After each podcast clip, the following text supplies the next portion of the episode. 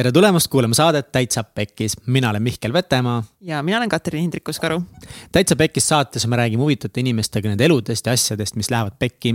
miks elu vahepeal pekki läheb ning kuidas siis ikkagi võitjana pekisest välja tulla. tänases saates on meil külas väga imeline Marius Vahter. Mister Marius. Mister Marius on äh, ettevõtja juht ja üleüldse temast on kasvanud välja üks väga teadlik mees või vähemalt äh, väga teadlikul teekonnal mees. ta on siis tänasel päeval sellise kihvti brändi nagu Senglens äh, maaletooja ja juht ja aitab siis inimestel seedesüsteemidega sõbraks saada.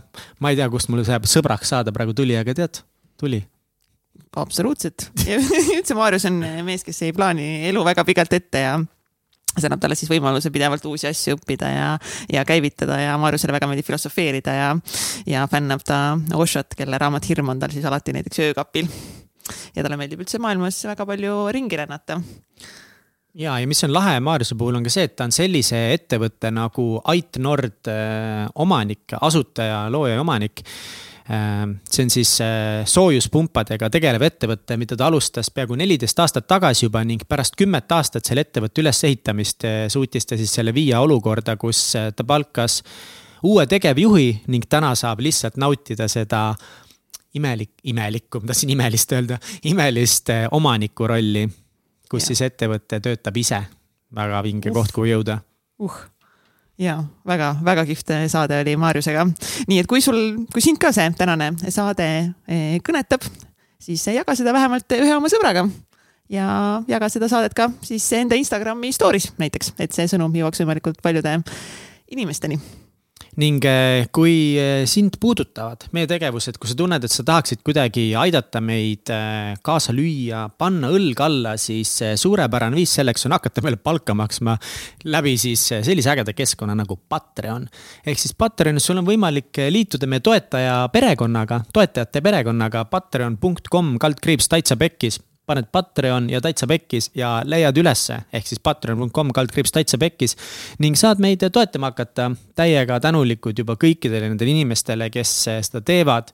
Te aitate meil üüri maksta, tehnikat soetada, vett laua peale, nii et mega aitäh, aga vett on alati juurde vaja ja kohvi, kohvi läheb, nii et noh. Thanks täiega. ja kui te juba patreon.com'is olete ära käinud, siis võite ka minna taitsapekis.ee kaldkriips seminar ja soetada endale meil juba siis ju viiendal märtsil tulevale Täitsa Pekis eh, transformatsioonifestival neli punkt nullile pilet. nii et eh, mine, mine tšekka seda ja tule siis kae, kuidas luua endale üks teadlik, õnnelik, täisväärtuslik suhe. nii et võta oma kaaslane, oma partner ja veetke see ilus päev iseendaga, et õppida üksteist tundma, õppida oma vajadusi paremini väljendama, õppida üksteist paremini tunnustama ning kõike, kõike põnevat veel. nii et tšekake siis seda taitsapekis.ee kaldkriips seminar või siis meie Instagrami peost äh, leiate otsetee äh, jällegi äh, meie siis väga vinge festivali kodulehele. head kuulamist. tere tulemast saatesse, Marius tere, tere, tore olla siin. tšau. Türi poiss. tore poiss, Türi poiss Türi tore Türi poiss. tore Türi poiss um,. mis sinu esimene pekkiminek oli, mida sa mäletad? suurem? no suurem jah, noh, eks neid eh, lapsepõlves oli neid pekkiminekuid muidugi palju, onju eh, selliseid nii-öelda, aga noh, need käivad ju arengu juurde ja ma võib-olla neid hakkaks välja tooma mm. -hmm aga, aga sihukene pekkiminek, mis esimese sellise ähm, täiskasvanu hea trauma tekitas, ütleme siis oli see, et, et mu vanemad tahtsid, et ma igal juhul lõpetaks ülikooli ära. aga ma ei lõpetanud seda. ma käisin äh, mitmes ülikoolis ja, mm, ja mul oli nagu stress, mul oli isegi mingil hetkel sihuke tunne, et äh, ma ei taha minna sinna koju, sest nad küsivad, kuidas mul ülikoolis läheb ja ma tean, et mul ei lähe seal hästi. ja, ja see tekitas mulle trauma, sest ma tundsin, et ma ei ole nagu vanemate vääriline mm.. mis ülikooli, kuhu sa siis alguses? ma kõigepealt läksin äh, Tehnikaülikooli ja ma tahtsin minna tegelikult sinna IT-d õppima. ma ei saanud nii-öelda sinna nagu sisse, mis tegelikult pärast selgus, et ma sain sinna valdkonda sisse, aga, aga algul oli mingisugune, ma ei tea, mingi segadus. Ja ma läksin sinna siis äh, hoopis mehaanika valdkonda. ja see mehaan-, mehaanika valdkond oli lihtsalt mul sellepärast võetud, et noh, ma pidin ülikooli minema mm. -hmm. mulle ei öeldi, et ma pean minema ülikooli. siis ma olin seal, siis selgus mingi poole aasta pärast, et aa, tegelikult ma sain hoopis IT-sse ka sisse siis ma olin seal mingi IT-s, proovisin neid asju hullult järgi teha ja, ja möllata seal. see ei õnnestunud tegelikult vist õnnestus ka, ma ei mäleta, kaks aastat ma ikkagi vist käisin seal ära ja siis ma läksin IT kolledžisse, siis tehti IT kolledž lahti. mõtlesin, et vot see on nagu see koht, sest ma töötasin tegelikult IT-ala peal ka ja, ja mõtlesin, et oh, et kui ma seal olen süsteem, süsteemi administraator, teen selle, ehitan võrkusid, värki, ma lähen IT kolledži õpin veel programmeerimisega ära siis ma olen nagu invincible, noh, siis ma mm -hmm. olen mhm. nagu noh, kõvem vend kui ma ei tea, Elon Musk, noh. noh, tol ajal muidugi Elon Muskist teadnud keegi mitte midagi, no uh -huh. keegi ilmselt teadis aga yeah. suurem, suurem nii-öelda avalikkus. Ühesõnaga tuli, tuli sihuke tunne, et siis ma olen nagu kõige kõvem vend IT-ala peal, et äh, kuid mul ei õnnestunud see. ja mis juhtus?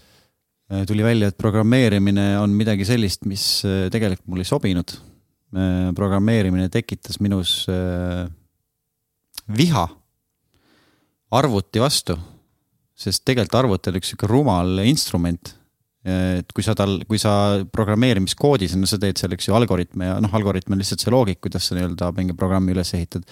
aga sa hakkad kirjutama seda ja noh, sa pead arvutile tegelikult selgeks tegema, mida ta tegema peab. ja tol ajal olid siis nii-öelda kõik noh, noh, mitte kõik, aga väga suur osa pidi ka käsitsi kirjutama ja kui sul oli nii-öelda koma või semikoolon või koolon vales kohas, no siis see lihtsalt ei läinud käima, see programm. siis hakkasid otsima seda, onju kus kohas see viga on. Sa tead, kuidas see programm tööle, tööle peaks hakkama, see algoritmi pool ja see oli noh, seda ma tegelikult nautisin, kuidas see asi nagu käib või see nii-öelda loogika ülesehitamine. aga nii-öelda, et seda siis sisestada sinna või arvutisse, see käis mulle täiesti noh, tundsin, kuidas mul hakkas lihtsalt nagu tagumiku peal eh, nii-öelda kõik nagu pinnutama, vaata mingi.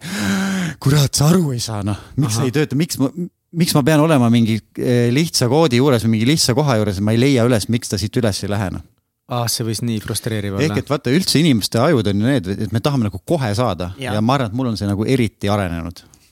ehk et kui mul on mingi asi, mis nagu peab, võtab pikalt aega. kui ma just seda tõesti täiega ei naudi, näiteks mingi kitarri ma õppisin, siis ma nagu võisin olla mingi ühe loo juures tõesti päev, päev või kaks või kolm. Siis ma nagu ei võtagi seda täna enam ette, noh, ma ei suuda, ma ei, ma ei suuda nagu keskenduda pikalt mingitele asjadele, võib-olla see on mingisugune, täna saab mingit diagnoosi äkki kirjutada isegi sellele mingi ATH-d või mis need on siin, popid diagnoosid, eks ju. aga mulle meeldib nagu vaadata laiemalt mingeid asju, ideid genereerida. käi- või ütleme, et kui see on mingi uus, kasvõi mingisugune äriplaan või mingi asi või äri, siis mulle meeldib see nii-öelda põhimõtteliselt käima panna ja nii kui ma tunnen, et see juba nüüd käib siis mul tekib see, et ma ei taha enam. kaua sa surusid ennast äh, selle, seda arendamist, programmeerimist õppima, et nagu ongi ühtepidi sellepärast, et noh, et et see oleks ju sulle nii tohutu konkurentsieelis veel on ju, et kui sa oskad seda arhitektuuri poolt ja umbes seda süsteemi poolt arendamist. ja veel nagu see ka, et ikkagi perekonna surve oli ka suur, on ju, et ülikool lõpetada. et kui kaua sa nagu surusid ennast seal? no ikkagi sihuke kaks aastat veel no ühesõnaga käisin kolm või kolm äkki, või? no vot, see oli mõnda aega tagasi. ma jah, ütleme, ma käisin nendes ülikoolides, ma arvan, sihuke viis aastat ja siis ma tegelikult läksin veel EBS-i ärijuhtimist õppima, sest ma olin hakkas, olin hakanud ettevõtjaks. aga siis tuli see eelmise aasta, eelmise korra see masu mingi kaks tuhat üheksa või -hmm. no ja siis ma olin nagu ikkagi puhtalt ettevõtte päralt, et mul lihtsalt ei olnud aega seal nii-öelda süveneda. aga mis see sinuga tegi, mis see sult võib-olla ka nagu ära võttis või, või, või jah, et kuidas see sind mõjutas, see siis kokku peaaegu viis aastat seda ülikooli surumist, tead, võib-olla veits valedel põhjustel? ega tegelikult ei võtnudki midagi ära, ta andis mulle elukogemust juurde, et, et ei ole mõtet suruda äh, midagi, mis, äh, mis ei ole nagu mõeldud, mis ei ole südamelähedane. Ehm, noh et ma ei ole kunagi nagu tundnud seda jah, et need viis aastat oleks nagu raisatud olnud, et pigem ta andis mulle väga palju elukogemust, tutvusi kindlasti mm, -hmm. kellega ma siiamaani läbi käin, eks ju, inimesed, kes seal ülikoolis olid. ja, ja lõpuks ikkagi teadmist ju ja, ja võib-olla ka mõnes mõttes enesekindlust sellest äh, läbi tulles, et kui noh, kui mul ei olegi kõrgharidust, tegelikult ma saan elus väga hästi hakkama. et see hirm oli ju tegelikult vanematel, et kui sul kõrgharidust ei ole, siis sa elus hakkama ei saa. nemad on ju nii-öelda lõpetanud siis äh, kõrgkooli. mäletan, ema ütles mulle veel, et noh, kui ma olin noor, siis mind kutsuti makaroniks, sest ma olin nagu tõesti hästi ülipeenike, ribid olid väljas, eks ju, noh, pisike poiss. noh, pikk ja, pikk ja peenike, ütleme siis nii.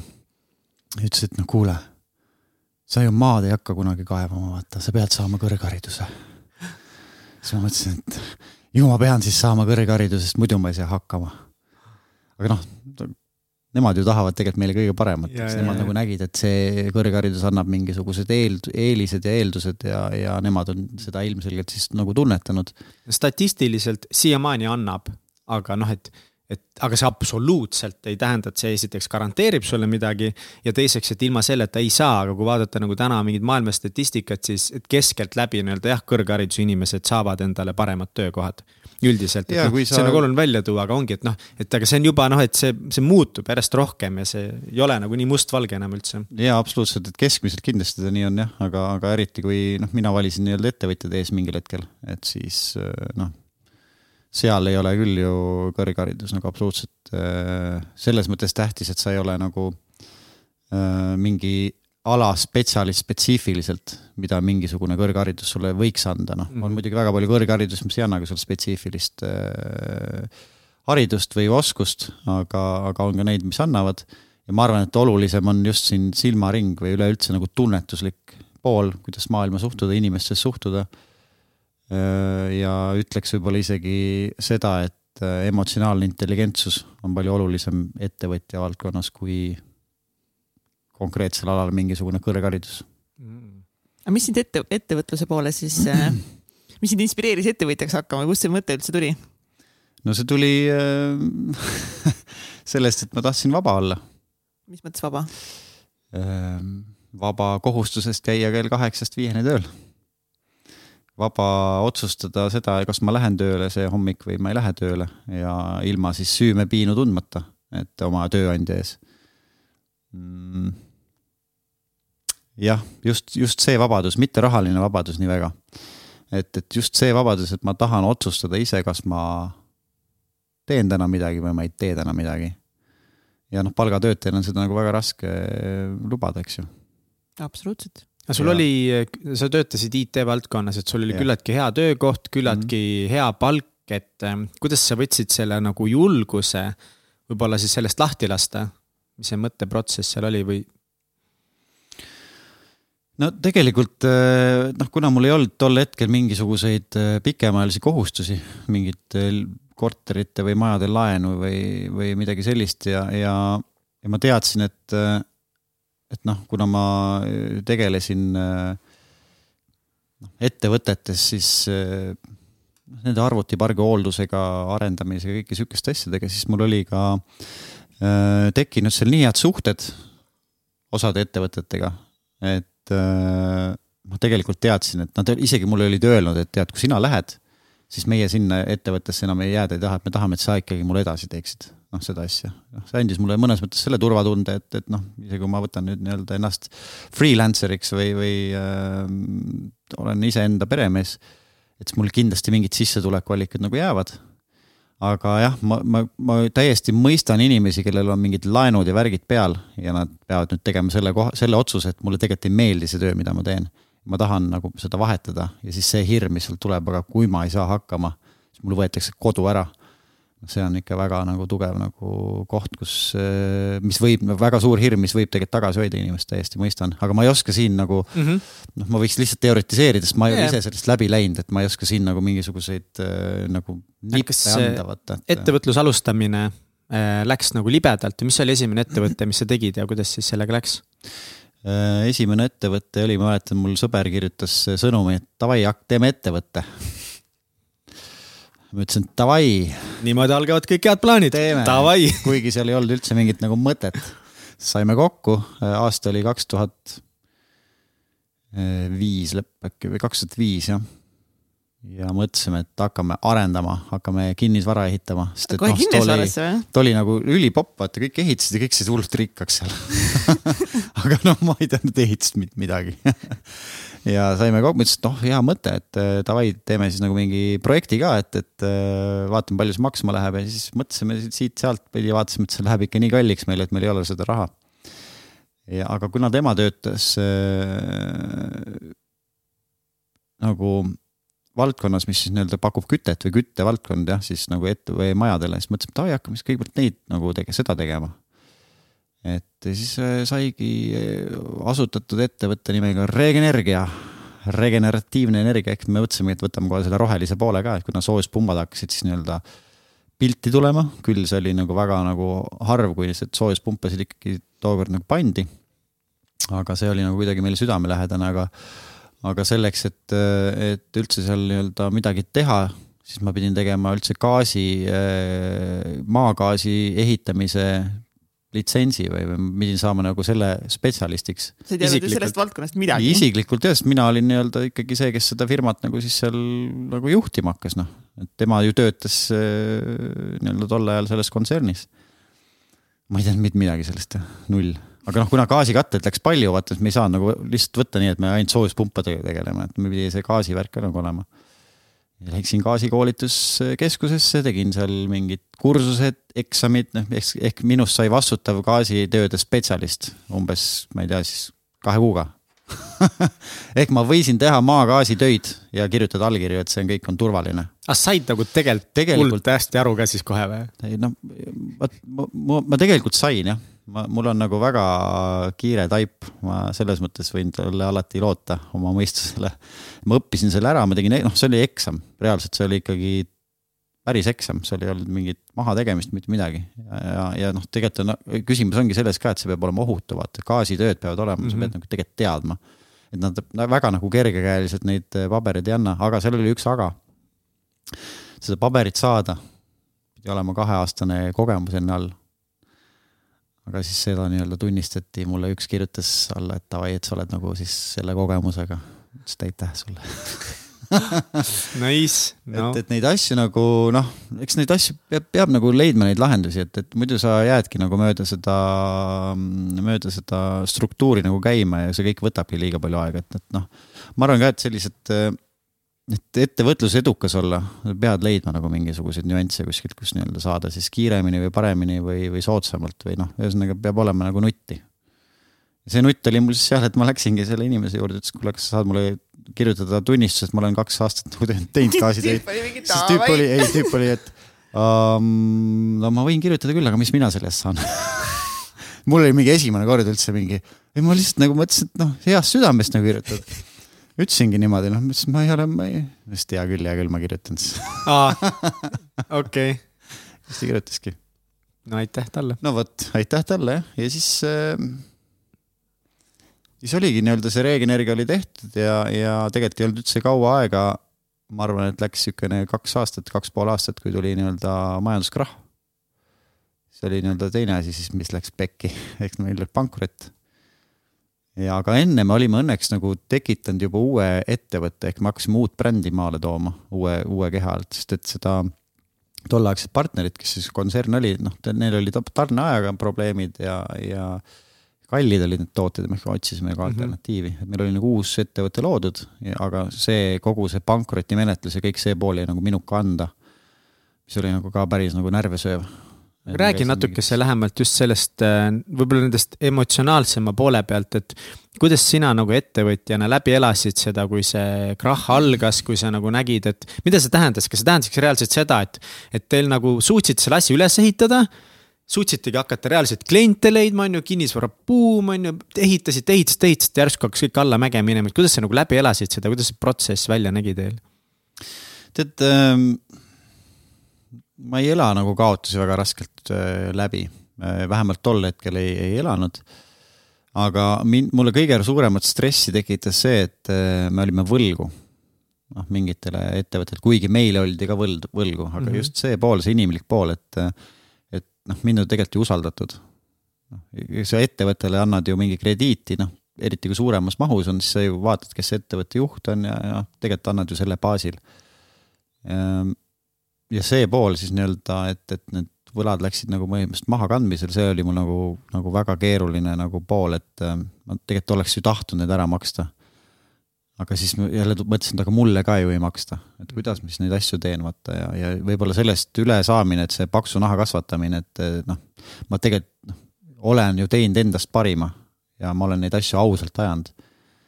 ja see on ikka siiamaani nagu läinud et siis nagu sellest üle saada, et ma siis noh, see ongi lihtsalt äri, kõik on nii-öelda, seal on ka ju riskid, et need, kes annavad mulle selle äh, krediidi, nemad ju riskivad, tahavad, tahtes mulle siis nii-öelda paremat teenust pakkuda ja, ja mina samamoodi teht-, teht-, teht-, teht, tehes siis tööd kellelegi, et nemad ei maksa.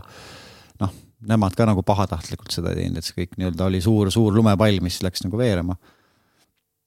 ja aga tol hetkel ikkagi mul ei olnud ju veel äh, mingisuguseid suuri kohustusi, et mul ei olnud nagu kaotada nagu midagi. et, et ma arvan, et see on niisugune võti seal, et äh, mul ei olnud mingeid maju ja, ja mul ei olnud mingeid isiklikke käendusi, et see, sellist tarkust mul oli küll nagu ettevõtjana, et mingeid isiklikke käendusi kunagi ei andnud, kuigi neid aeg-ajalt küsiti. vaata isiklik käendus on see, et, äh, et kui pankrotti läheb ettevõte, siis sa ise pead ikka kõik need võlad kinni maksma. et äh, et sellest ma, ma ei tea, kustkohast mul see tarkus tuli, võib-olla keegi ütles öö, otseselt ei mäleta, et isiklikke käendusi ei maksa nagu anda ja neid ma olen alati nagu tõrjunud. ja isegi jätnud mingi kauba ostmata teinekord, aga, aga või leidnud teise tarnija, aga seda ma ei ole kunagi teinud. et noh, see lõpuks on ju kõik äri mm. -hmm. ja kui läheb, kui tuleb majanduslik nii-öelda langus, noh, siis paratamatult ettevõtted kaovad, noh aga see, et kellelegi nagu võlgu jääda, et nagu miks see sulle raske oli, et kas sa tundsid, et, et nagu ongi kuskil alateadvus mingil määral, et kuidagi käis sinu mingi mehelikkuse pihta, sinu au pihta, et nagu miks see tegelikult raske oli? selle just, just see usaldus, et ta on mind usaldanud ja ma petan ta usaldust. ma ei saa, suuda talle ära maksta, sest ta mind usaldas, vaata, aga nüüd mul ei ole seda raha talle anda. just see pool, et äh, jääda ise siis äh, noh, olles ise aus olnud või, või et seda, et see ausus noh, et, et ta näeks mind ikka nagu ausana, just see pool, et ta ei näeks sind halva inimesena jah, tegelikult sellepärast. sellisena, et, et, et ma lasin ta nagu üle, vaata mm, -hmm. et ma, ma tegelikult olen proovinud nagu kõige paremini teha, aga näed, ikka ei, ei tulnud välja, noh, et see võib-olla see, see hirm seal taga, et aga mis ta must siis pärast arvab, kas ta arvab, et ma olen nagu mingi noh, ülelaskja võib-olla. et see pool oli mul nagu üli-ülikeeruline et just näida, näida ise siis nagu ikkagi noh, olla siis ikkagi ise aus ja, ja teised mind ka samamoodi näeks. et see pool.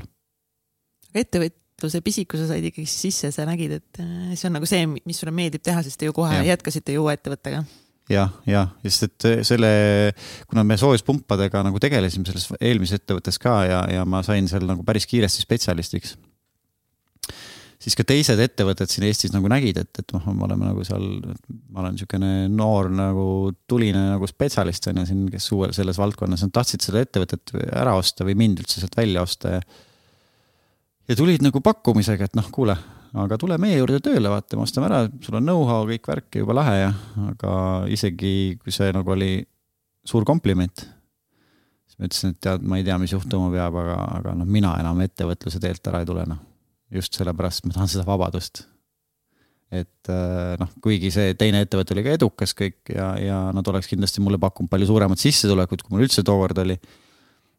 siis ma ei, ei, ei võtnud seda, sest et see vabaduse maitse lihtsalt oli nii magus mm.. aga said sa päriselt nagu maitsta seda vabaduse maitset, sest see võib-olla alguses nagu tundub ettevõtjana, et sa saad nagu tohutult vabaks, aga tegelikult sa paned ikkagi tohutut töötunde sinna aga alla. see ja, ja see, see selles mõttes tundubki, et vaata see mindset või see, see tunne, et aga ma võin mm. -hmm. see on see, mis annab vabaduse. et sa ei pruugi nagu kasutada seda ja, võimalust, aga sul on see olemas. aga sul on see ja. olemas ja see annabki selle vabaduse, et ma tean, et ma võin loomulikult see on palju suurem äh, energia, energia kulutamine, ettevõtte ülesehitamine, see on ikka suur, suur, suur töö.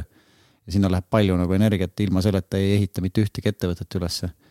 Äh, ja palgatöötaja ei pane kunagi nii palju, noh, ma ei saa öelda siin absolutiseerida, aga, aga tihtipeale palgatöötaja ei kuluta, ma ei tea, pooltki nii palju energiat, kui on ettevõtte juht ja ülesehitaja sellele.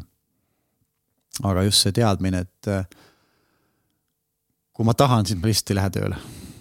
vist nii ongi. mm. -hmm. ja see andis nagu selle, see on nagu tohutu motivatsioon minu jaoks nagu olnud alati.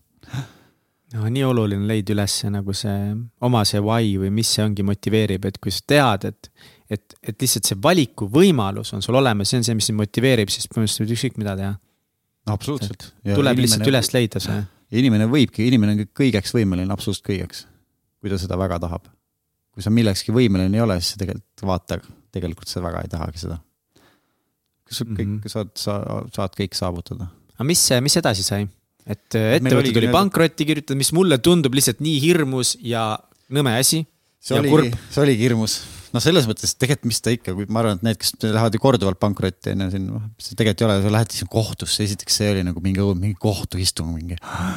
passid seal mingi süü nagu mingi. või midagi no,. umbes nii ja tegelikult seal ei olnud midagi, seal oli lihtsalt, tegelikult see ei olnudki lõpuks pankrot, et see oli nagu raugemise teel ehk et noh, tegelikult keegi pankrotiavaldust ei avaldanud või ei pannud, ma ise nagu tegin selle ettepaneku siis lõpuks oli mingi raugemise, ikka oled seal mingi kohtunik küsib onju, miks siis nii ja oli mingi õudne noh. aga reaalselt kohtunik küsibki, et no miks nüüd siis läks halvasti? miks te tegite sellise otsuse siis oli meil seal mingi jah, et kõigepealt mingi koht, keegi teeb nagu lihtsalt siukse ülevaate, eks võtab sul finantsid, vaatab, kas oli pahatahtlikkust, leiab seal on ju mingit, noh, kõik võetakse nagu ikkagi tehakse sihuke ülevaade.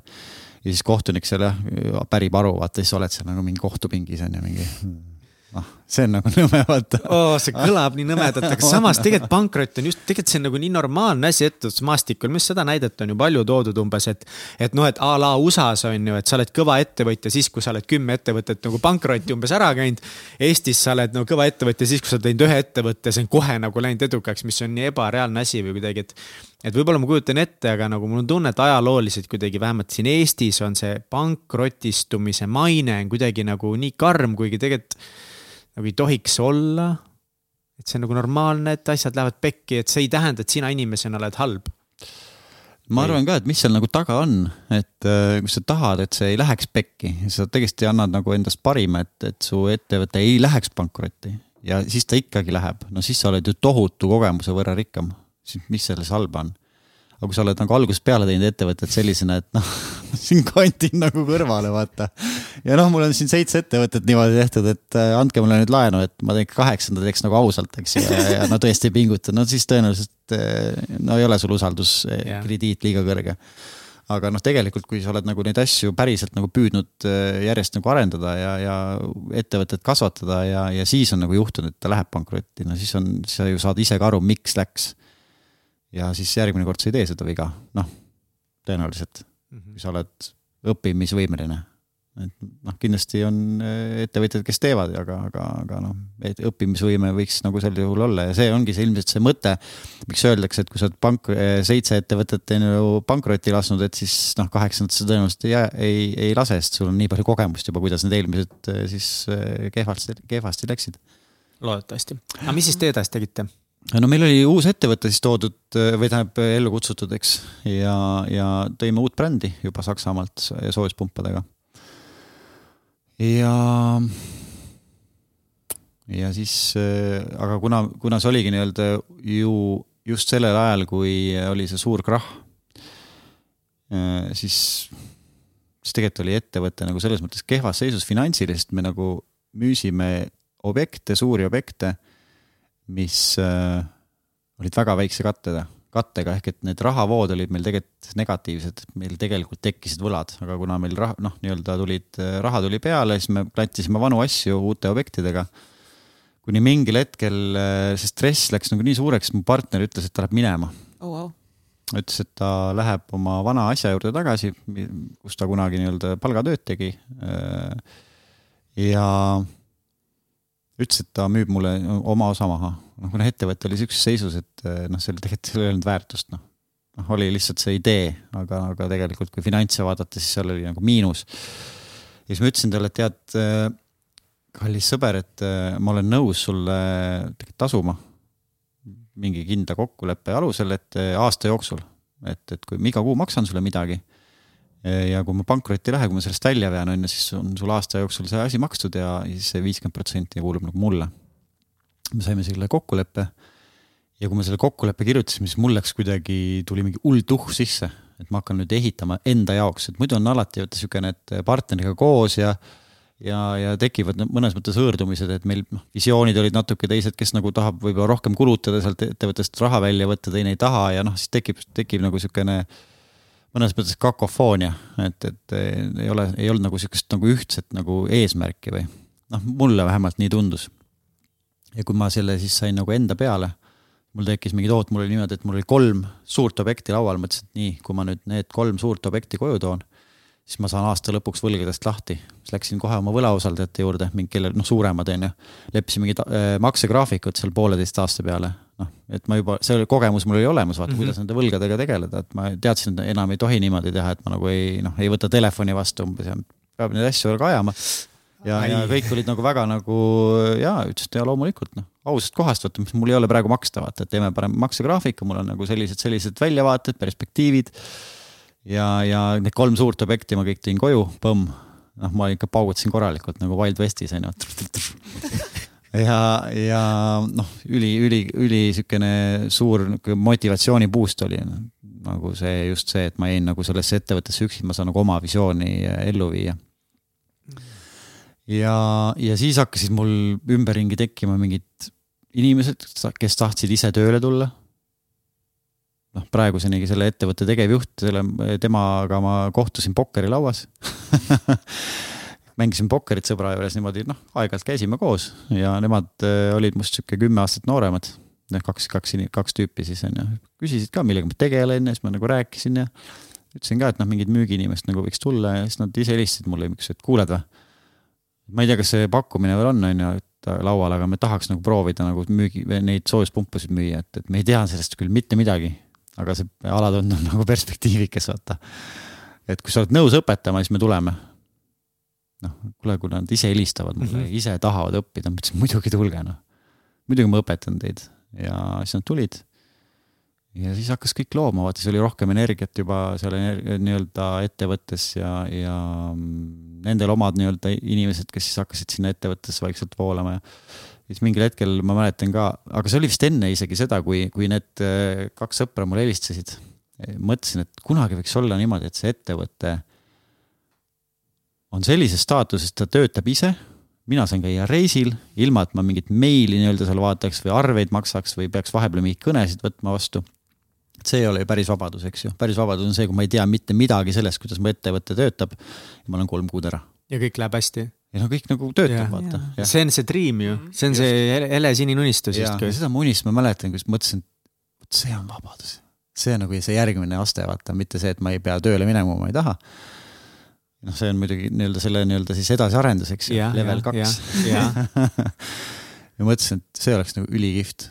ja siis ma lasin nagu selle mõte lihtsalt lendama, mul, mul ei olnud nagu otsest sihukest taotlust, aga mu südames nagu oli, noh, ma mõtlesin, et noh, süda nagu avanes, kui ma seda mõtet mõtlesin.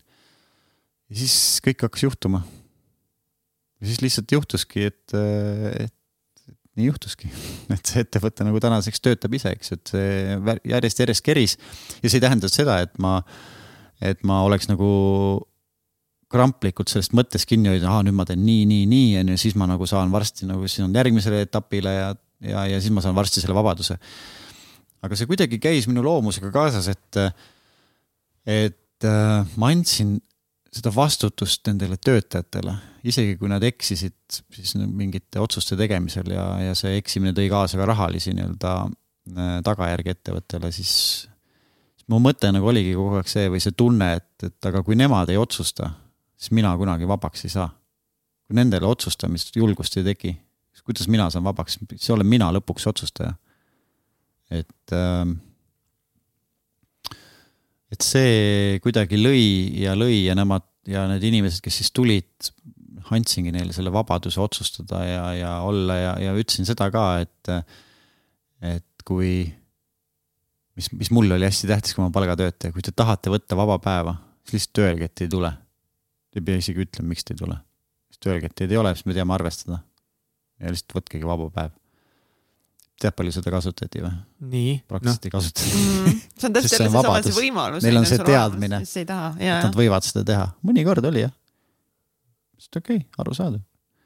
ärge tulge noh, puhake lihtsalt ja ju siis on vaja, et ei tule täna. kuidas sa said sellise mõtteviisi, mõtlen, et nagu noh, et mis me oleme siin palju ettevõtjatega rääkinud, sihuke peamine nagu raskus või keerukus on ettevõtte juures ikkagi inimeste juhtimine, mitte ettevõtte juhtimine, vaid see inimeste juhtimine, inimeste manageerimine, et. kas sa lihtsalt alati oledki kuidagi siis oma kogemusi, sisetunde põhjal häid otsuseid teinud või sa oled kuidagi seda õppinud, lugenud ka, mis aitas, mis sind toetas nagu sellel teel? no sisetunne on põhiline jah, millest kõik alguse saab, et äh, minu puhul mm. -hmm. seda saab õppida muidugi aga just see, et äh, no ma ise, ma olen ise mõelnud tegelikult, miks see siis nii oli, tegelikult see on hästi haruldane, see, kuidas mina olen teinud. vähemalt nüüd tuleb neid ettevõtjaid ilmselt nagu rohkem juurde, aga aga kui inimene, noh, ma ütlen, et mingil hetkel oli mul selles ettevõttes, ma ei tea, kümme töötajat, mitte ühtegi CV-d ma ei olnud kunagi vaadanud. lihtsalt, noh, ta oli kas kellegi tuttavad või nii, aga kui nad tulid vestlusele siis ma lihtsalt tunnetasin, kas mul on temaga nagu tore olla koos, noh mm -hmm. ja kui mul on tore olla, siis ta õpib järelikult ka ameti ära, kui temal on tore olla minuga ja ta tahab selles nagu valdkonnas tegeleda, siis ta järelikult õpib ju oma ameti või, või nii palju, kui nagu vaja on, noh loomulikult sa ei saa nagu võtta inimest tööle nagu haiglasse kirurgiks, on ju, kui sul on tore olla temaga koos, et noh. ma just mõtlen ka, et nagu see on nagu huvitav nagu lävend. Nagu saab, on ju, aga sellel ajal nagu yeah. saab, et, et, et kuidagi, kuidagi see tunne jah, et, et, et äh, kui me veedame nagu kaheksa tundi või seitse tundi nagu iga päev koos, et siis see võiks, peaks olema nagu mõnus, noh. siis ei saa olla nii, et, et mina kontrollin kogu aeg igat ühte, kas sul on tööd tehtud või ta-ta-ta.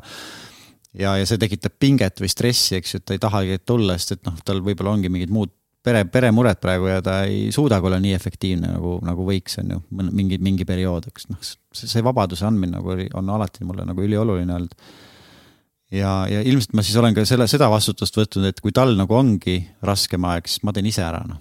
et või kuidagi selline toetamine mm -hmm.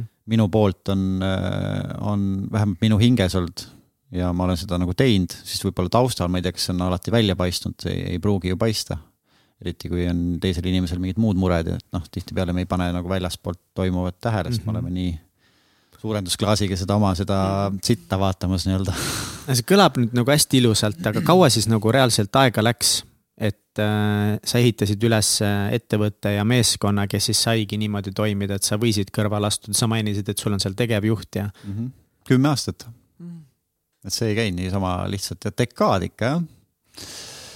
Äh, kümme aastat läks aega äh, ma mäletan, kui ma selle tegevjuhiga mingi hetk rääkisin, ta küsis, et kurat, aga mis plaanid sul üldse on, onju ma ütlesin ausalt, et tegelikult ma tahan nagu kõrvale astuda mingil hetkel ja, ja ma näen sind nagu tegevjuhina tulevikus. ta ütles, et oot-oot, millal sa nüüd seda tegema hakkad, ma küll siin valmis ei ole praegu, onju. ma ütlesin, et ma, ma näen, et sa ei ole veel valmis, et, et anna, anna aega, aga ma näen, et sul on see potentsiaal ikka väga tugevalt olemas, onju, et sul, siis me rääkisime ka, mis ma näen, mis on ta nõrgad kohad ja ütles, et jaa, ja ma olen nõus sellega. Ja ja, ja siis ma nagu noh, küpsetasin seda noh, nagu siukene saia küpsetamine või, või, või pigem võib-olla see lõhe küpsetamine neljakümne kraadi juures et see ikkagi võtab aega või ma ei tea, mis, mis mhm. temperatuuri juures nad seda küpsetavad pikalt.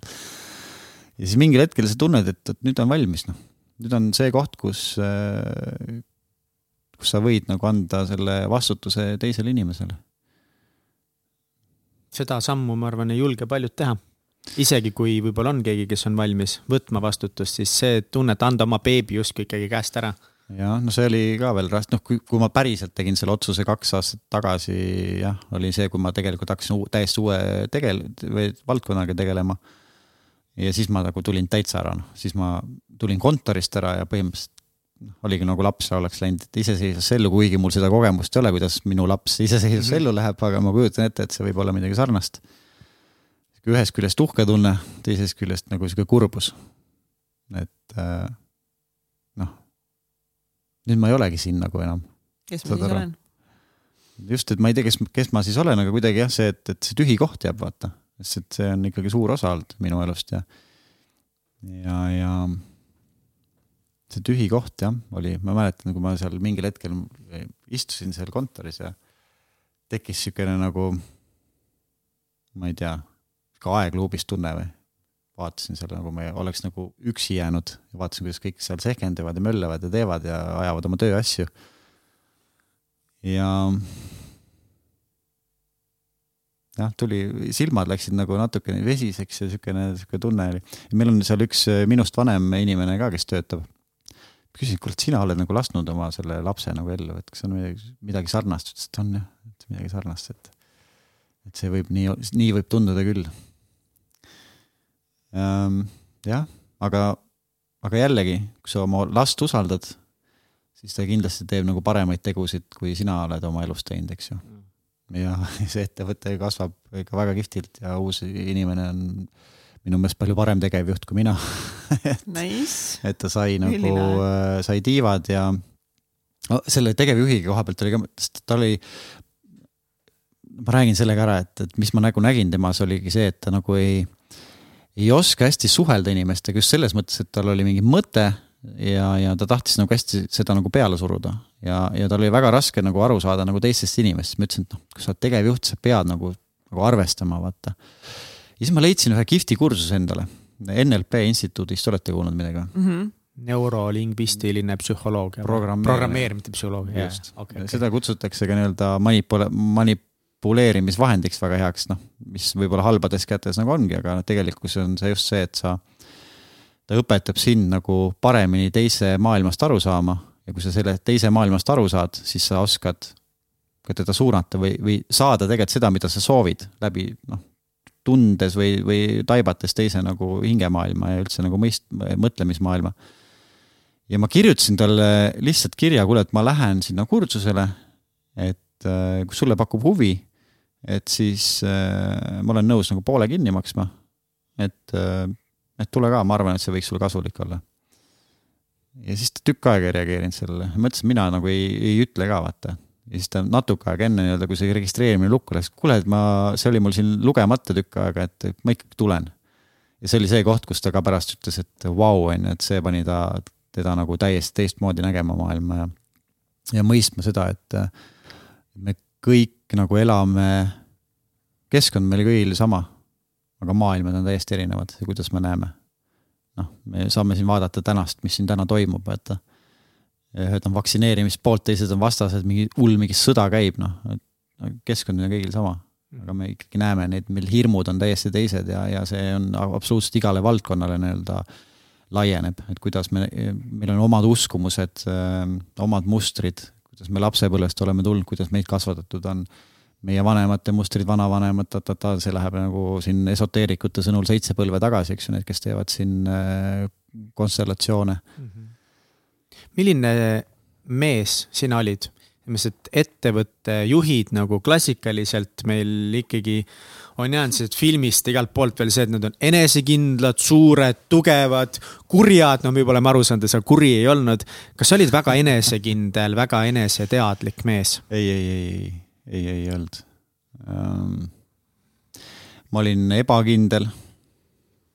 aga ma olin nagu hea südamega, seda ma olen alati olnud, ma olen nagu tahtnud head alati, et äh, ma ei ole kunagi, isegi kui on äh, nii-öelda öeldakse, et tahad head, aga läheb nagu alati, eks, et äh,. Nagu alati et, et teised saavad valesti aru, on ju, sinu mingitest äh, sammudest, et sa tahad nagu midagi head teha noh, see on ka tulevikus, ma õppisin, et, et head ei saa, head saab teha ainult siis, kui küsitakse, et, et niisama ei ole mõtet head teha, et see ongi pealesurumine lõpuks. aga, aga minu nagu jah, et see, see kommunikatsioon või, või see on nagu olnud alati aus. aga milles, milles see ebakindlus väljendus, mis olid hirmud? Kas ettevõtjana või üleüldse mehena? üleüldse, üldse mehena no et ma ei ole piisav, see on nagu väga tugev äh, hirm olnud alati, ma ei ole piisav naiste jaoks, ma ei ole piisav vanemate jaoks, eks ju. Ähm, ma ei ole piisav äh, motiveerimaks inimesi. Ähm, kes ma üldse olen, et ma siin nagu midagi, midagi nagu ütlen või, või, või siis ebakindlused keha suhtes. Ma võiksin olla alati rohkem lihastes, eks ju, noh, mind kutsuti makaroniks ilmselgelt, kus see trauma nagu tuleb, on ju ähm, kuidas see mõjutas sinu igapäevaelu? sa arvasid, et sa ei meeldi teistele? ma ei meeldi teistele, ma ei meeldi piisavalt teistele mm., jah. et see pool oli minus väga tugev nagu sihuke hirm. kas see mõjutas sinu suhteid ka? jaa, ma olin, olen väga klammerduv olnud nagu suhetes, jah. Kuni nii-öelda viimase suht-, viimane suhte, mis mul praegu nagu on. enam ma ei ole klammerduv mm.. räägi siis, mida tähendab klammerduv? no see klammerduv, et ma tahan teha kõik selleks, et teisel oleks hea ja hüljates iseennast. ehk et, äh, et see, et, et see minu nagu rahulolu siis suhetes tuli sellest, kui ma nägin, et teisel on hea olla. siis olin mina nagu ka rahul, et ma sain nagu talle nagu teha head või talle pakkuda mingeid selliseid äh, hüvesid või, või olukordi või, või ma ei tea, raha või, või seksi või no mida iganes, et tal oleks hea. ma olin sihuke pliisija ja siis on nagu läbi selle on mul ka hea, et ma panin nagu vastutuse enda heaolu tundest teisele inimesele. ja see tekitab väga tugeva sõltuvussuhte. ma olen sõltuv sellest, kuidas teine ennast tunneb. ja kuna minu teine baashirm oli üksi jäämine, noh, me, ma olen lihtsalt kinni teen kõik, mida teine soovib, noh, see ei tähenda isegi seda, et minu partnerid oleks siis kuidagi mind kuidagi manipuleerinud või ära kasutanud, aga see tekib nagu mõnes mõttes nagu alateadlikult, vaata. ja siis ainult siis, kui teine nii-öelda naeratab, oli mul nagu hea olla, noh. ja no see lihtsalt lõpuks väsitas mind nii ära ja, ja ma jäin nii-öelda, tervis hakkas üles ütlema ja nii edasi, nii edasi ja juuksed hakkasid halliks minema kõik see pool, on ju. et, et ähm, jah. no mis hetkel see nagu täielik low point siis oli? et kui nagu tervis hakkas alla minema, et see kõik hakkas väsitama sind? jah, no oligi see koht, kus ma muutusin elu suhtes ükskõikseks juba, mul ei olnud, mul oli nagu tegelikult mingil hetkel tundsingi, et raha mul on piisavalt, meil oli äh, naisega maja, kus me elasime, meil oli laps. ma tundsin, et ma ei tunne rõõmu enam, noh. mul täitsa ükskõik. Läksime reisile ükskõik kus tahtsime suva, vaata. justkui, justkui olid saavutanud selle, mis sa jaa, aga tegelikult ei olnud rõõmus, noh. et äh, ja ma mäletan seda, kui ma läksin Holistika Instituuti õppima. ja seal on äh, sisseastumiseksami asemel on nelik, ma ei tea, kas te teate, mis asi on äh, holistiline nelik? sa võite lühidalt seda tutvustada, ma olen sellest kuulnud, aga no see on neli, äh, neli kohtumist holistilise terapeudiga, A või üks kohtumine kolm tundi kuni noh kaks-kolm tundi. ja seal siis nagu räägitakse, noh, ühesõnaga sinu isiksus lahti, tutvustatakse sulle nagu rohkem, kes sa nagu tegelikult oled alateadlikus baasis ka või mis su uskumused, no sa hakkad, noh, saad nagu ennast paremini tundma, tundma nende nelja ähm, sessiooniga. ja ma läksin sinna kohale, rääkisin, kui tore lapsepõlv mul on olnud, kuidas mul kõik on olemas. Mm, maja naine, laps. nagu kõik on tore ja mul nagu ongi tore kõik, eks ju. siis ta ütleb, et noh, et aga meil on kaksteist tundi sinuga siin nagu teraapiat teha, onju, et noh, sa räägid ka nagu niimoodi enesekindlalt ja, ja no kõik on nagu, noh, tundubki, et aga no mida me siis nagu, noh, midagi võiks siis nagu otsida. noh, tagantjärgi tean nagu, et tõenäoliselt see terapeut muigas ka, et noh, mees, kellel ei ole ühtegi probleemi tõenäoliselt on nagu palju aga noh me ei oskagi näha neid, me ei mhm. oska tegelikult näha me inimestena, me oleme nagu õppinud nagu mingit maski kandma. ja siis ma mäletan, ma ütlesin talle, tead, mul on nagu tunne, et ma ei tunne väikestest asjadest rõõmu enam. ma mäletan nagu, et ma nagu tundsin, ma tõesti oskasin rõõmustada igast väikeste asjade üle. ja teine pool on see, et mul nagu ei ole elu eesmärki, ma ei, ma ei, ma ei tea, mida ma saavutada tahan, mul nagu on nagu mingi asi saavutatud ja ma, ma nagu ei tea, onju. oh, väga hea, elu eesmärk ja rõõmu tagasileidmine neli korda, davai, hakkame tegelema sellega ja kui ma siis sinna esimest korda viidi mind siis sinna oma lapsepõlve tagasi sellesse muutunud teadvuse seisundis. ja ma nägin, kui rõõmus ja õnnelik ma seal olin. mul lihtsalt nagu pisarad jooksid, mõtlesin, kus ma täna olen. Noh. see nagu see ahhaa-moment, et kuhu ma nagu täna niimoodi step by step vaikselt niimoodi allakäigutreppi olen sattunud, on ju, et ma nagu ei ole rõõmus inimene enam.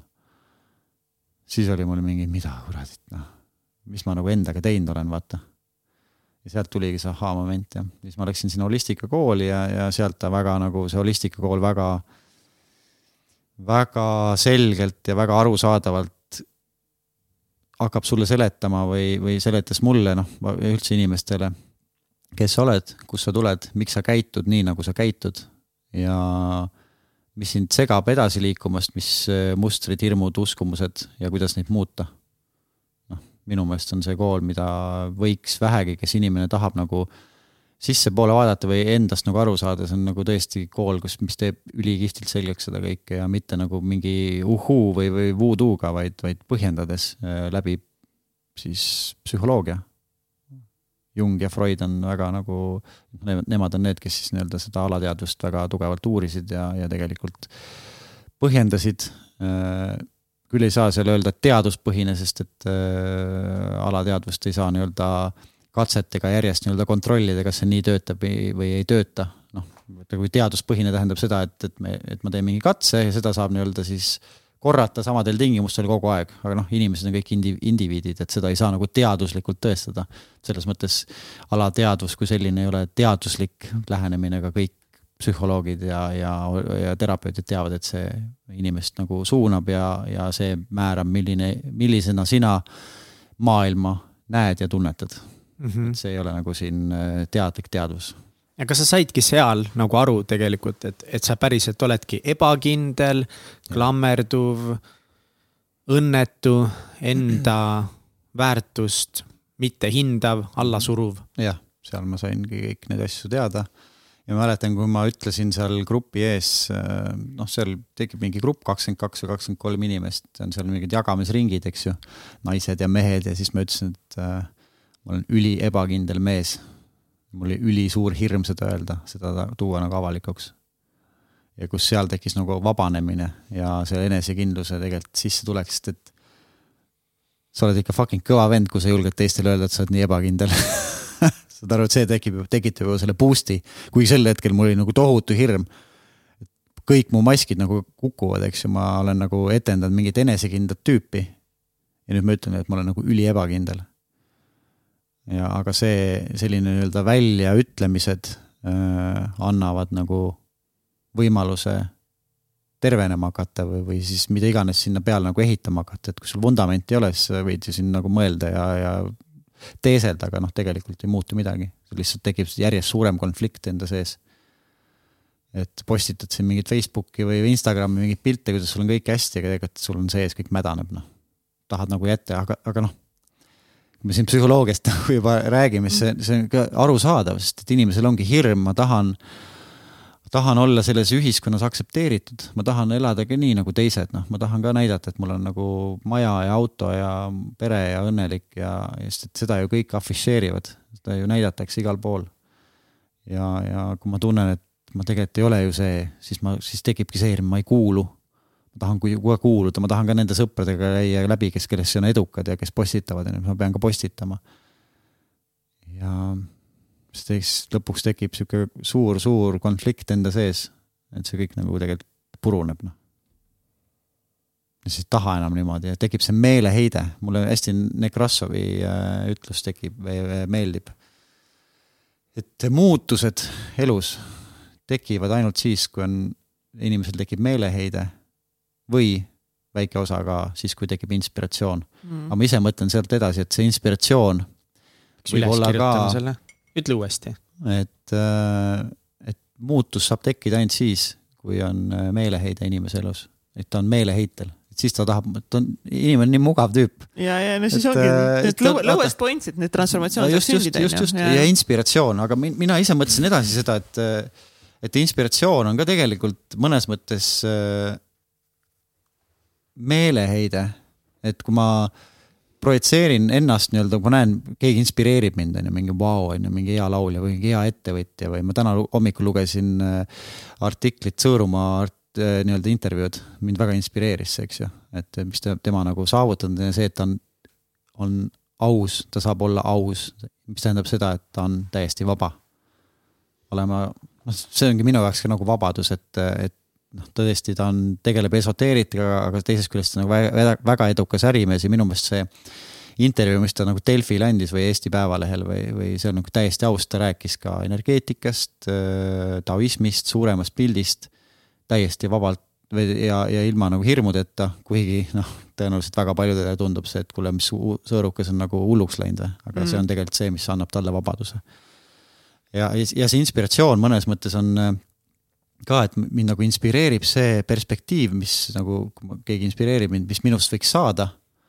ja ma hakkan nüüd selle nimel tööd tegema, aga samas ma arvan, et see hirm seal taga on ikkagi see või see meeleheite kartus, et kui minust nüüd see ei saa, siis ma tõenäoliselt kolme aasta pärast olen meeleheites, et miks ma seda teed nagu ette ei võtnud. siis ma ei ole piisav. just, et, et mõnes mõttes ka see väike protsent, mis inspiratsioon nii-öelda siis viib, viib arengule, ma arvan ka seal taga on lõpuks see kartus meeleheite ees.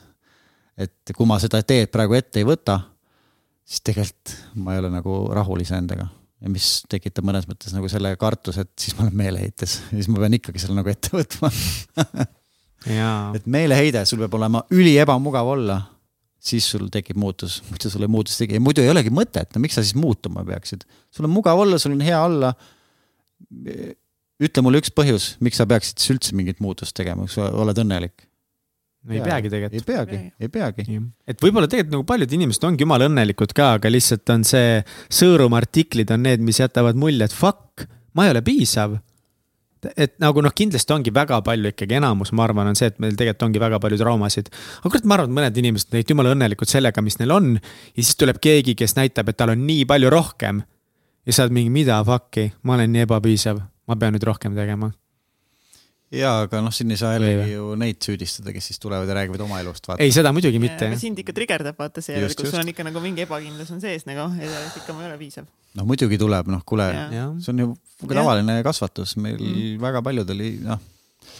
ja see mõnes mõttes nagu ongi ju loogiline, et, et kui sa oled väike laps ja sa tuled mingite ideedega lavale, lauale, eks ju noh, need ideed võivad olla tegelikult ülirumalad, noh, ja siis su vanemad nagu ei lubagi nagu seda teha, vaata. ja siis võib koheselt tekkida see koht, et oot, ma tulin nagu mingi ideega, mis mulle tundub nagu jube äge. ja seda ei lubata mul teha, noh, see idee võib olla kasvõi see, et ma, ma ei tea, võtan žileti, noh, teen mingeid asju, onju, sa saad pahandada, sest ema, ema või isa ehmub ja sealt tulebki see trauma kohe. Neid ei saa ära hoida. aga mis sa nägid siis, äh, kui sa hakkasid enda sisse vaatama? mis, mis sa nägid siis, mis need traumad sul olid, mis juurpõhjusteni sa jõudsid siis? Kogu kõik, kõik see ebakindlus ja kaassõltuvus suhtes ja kust see nagu kõik siis alguse sai?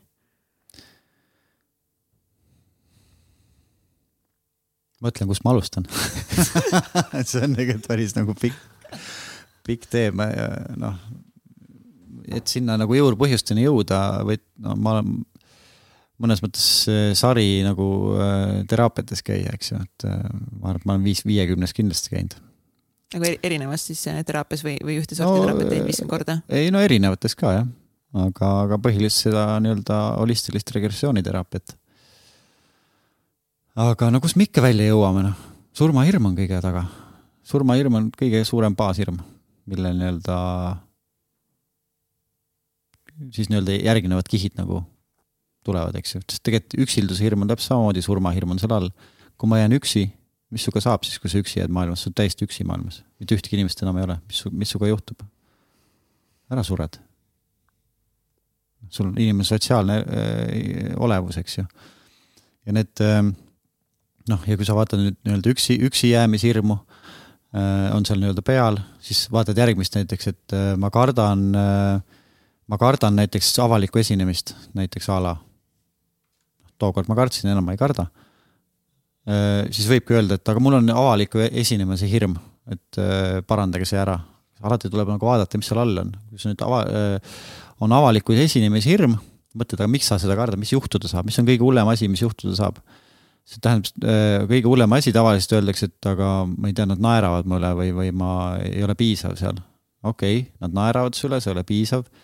mis siis saab, kui nad naeravad sulle, mis sa siis kardad, mis siis saab? no ma ei tea, nad ei taha mu sõbrad enam olla või, või nad mõistavad mind hukka, okei okay,, mis siis, mis siis on, siis ma jään üksi. ahaa, mis siis saab, kui sa üksi jääd ähm,? ma suren ära. ja kõik jõuavad sinna nii-öelda punktiga, et sa, tegelikult on see surmahirm seal taga. surmahirmu enam ei ole, kui sa võtad surma kui paratamatust selles mõttes, et ilma surmata ei ole elu. kui surma ei oleks loodud, siis ei oleks ka elu ehk et sa saad kõike seda siin kogeda ja nautida tänu, tänu sellele, et on surm. noh, mõistusega seda nii-öelda kedrates tundub see üliloogiline, vaata, kui sul on mingi surmahetk käes, noh, siis on see ala, alateadvus, mis, kui sa, kui sa ei ole tegelikult seda surmaga leppinud, läheb paanikasse eh,, hakkab, hakkab surma kartma ja need kõik on nii-öelda siis samade kihtide vahel, ükskõik mida sa kardad, ma ei tea, mida sina, Mihkel, kardad näiteks? Et ei no ma, et ma suren ära ilma, et ma jätaks endast nagu mingi märgi maha, et ma okay. suren nagu mõttetuna, mingi mõttetu kõnnina kuskil. okei okay., mhm. ja kui sa hakkad sealt järjest uurima seda poolt, et, et miks sul see nagu on, siis sa jõuad ikkagi sinna, et sa sured ära ja sa kaod, et sa, sind ei ole enam yeah.. et, et see surmahirm ikkagi seal taga.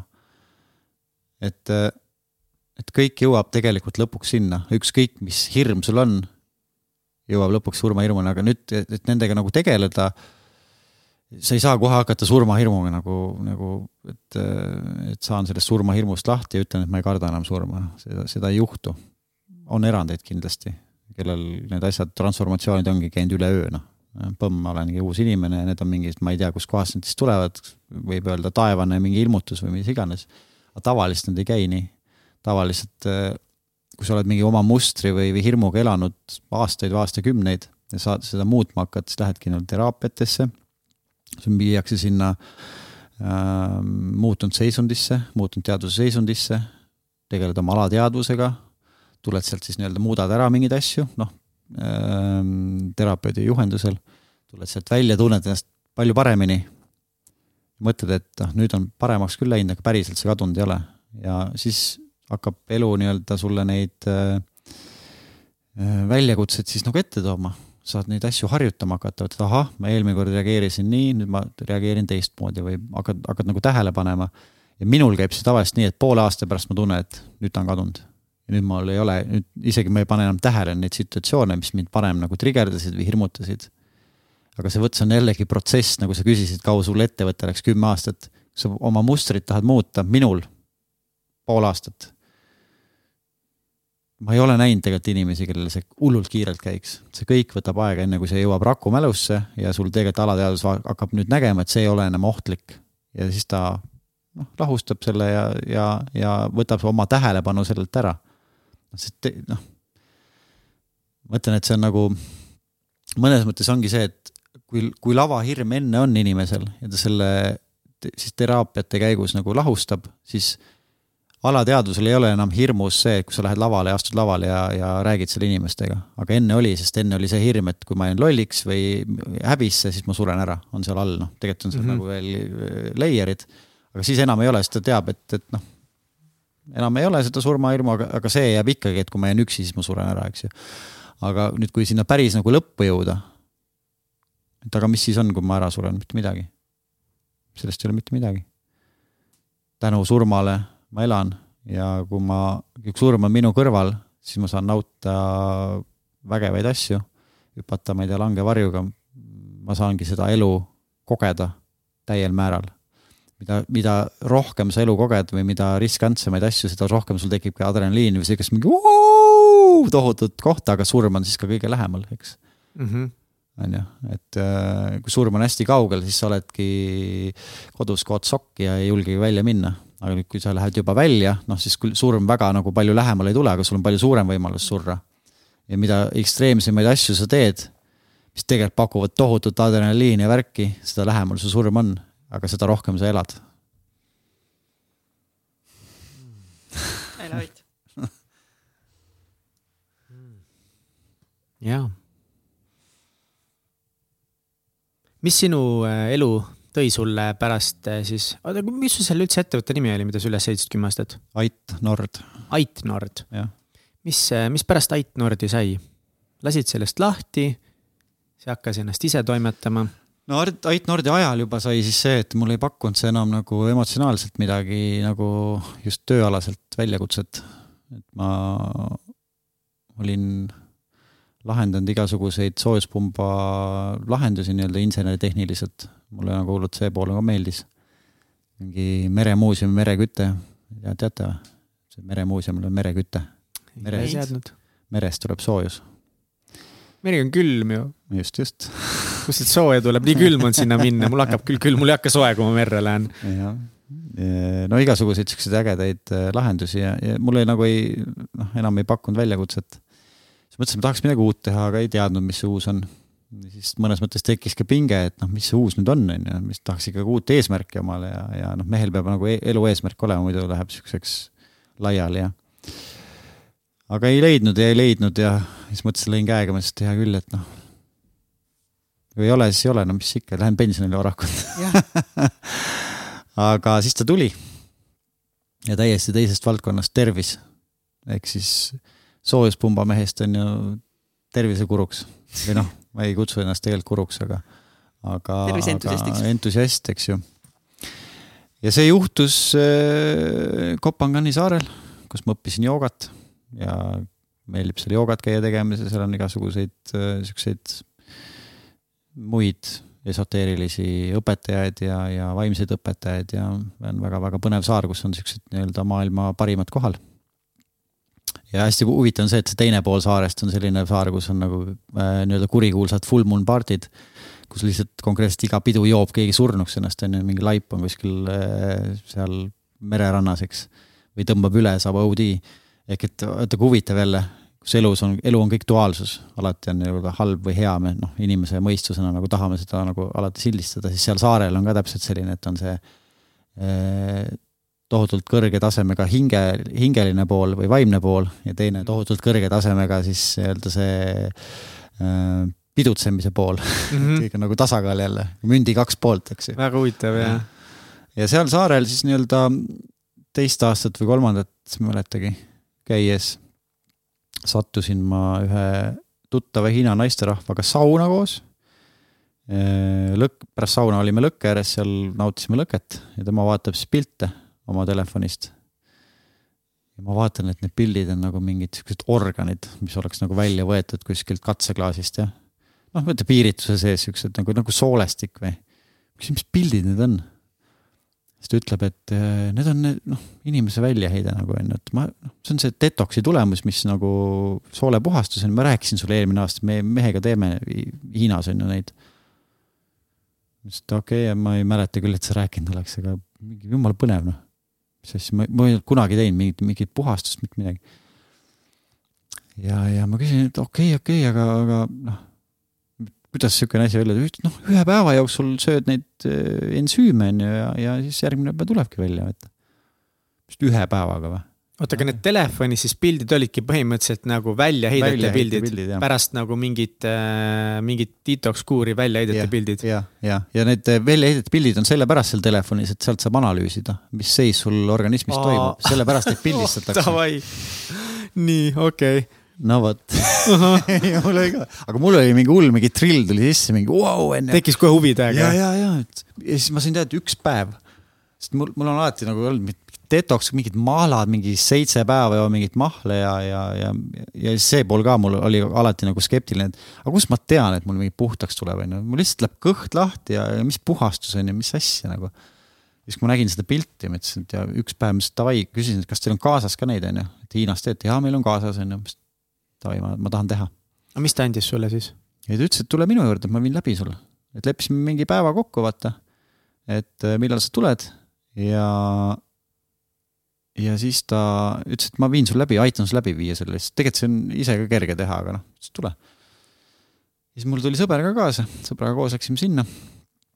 ja päeva jooksul siis oligi mingid šeigid on ju, jõime seal värki, lugesin raamatut, käisin jalutamas, tegin mingit kõhumassaaži seal, noh, selles mõttes nagu lihtne ja õhtul siis anti mulle korvike kätte, ütles, et nüüd lähed koju, aga hommikul, kui häda peale tuleb, siis lased siia korvi, mitte potti huvitavad hobid mis te naerate? asi tõsine. ja nojah. kas nagu piknikukorvike või? ei no ta on siukene nagu sõela moodi korv noh. okei okay., nii. ja okei okay,, noh, okei okay. ja läksin magama õhtul, hommikul ärkasin üles, oligi häda korvi alla. ja noh, ta tuleb nagu sihuke kile sees ja mul tuligi sinna nagu see korv tuli täis, noh, kuigi ma olin nagu enne kaks päeva olnud niimoodi, et ma ei olnud nagu eriti söönud, on ju, või noh, mitte eriti söönud, vaid söönud siukseid kiiret seeditavaid asju, mingeid salateid, smuutisid, siukseid asju nagu ter-, noh, nii-öelda, nii-öelda tervislikult, siis mm -hmm. nagu arv-, öeldakse, et tervislik on. ja see tuli nagu mingi meetri pikkune madu mul sealt tagumikust välja, noh.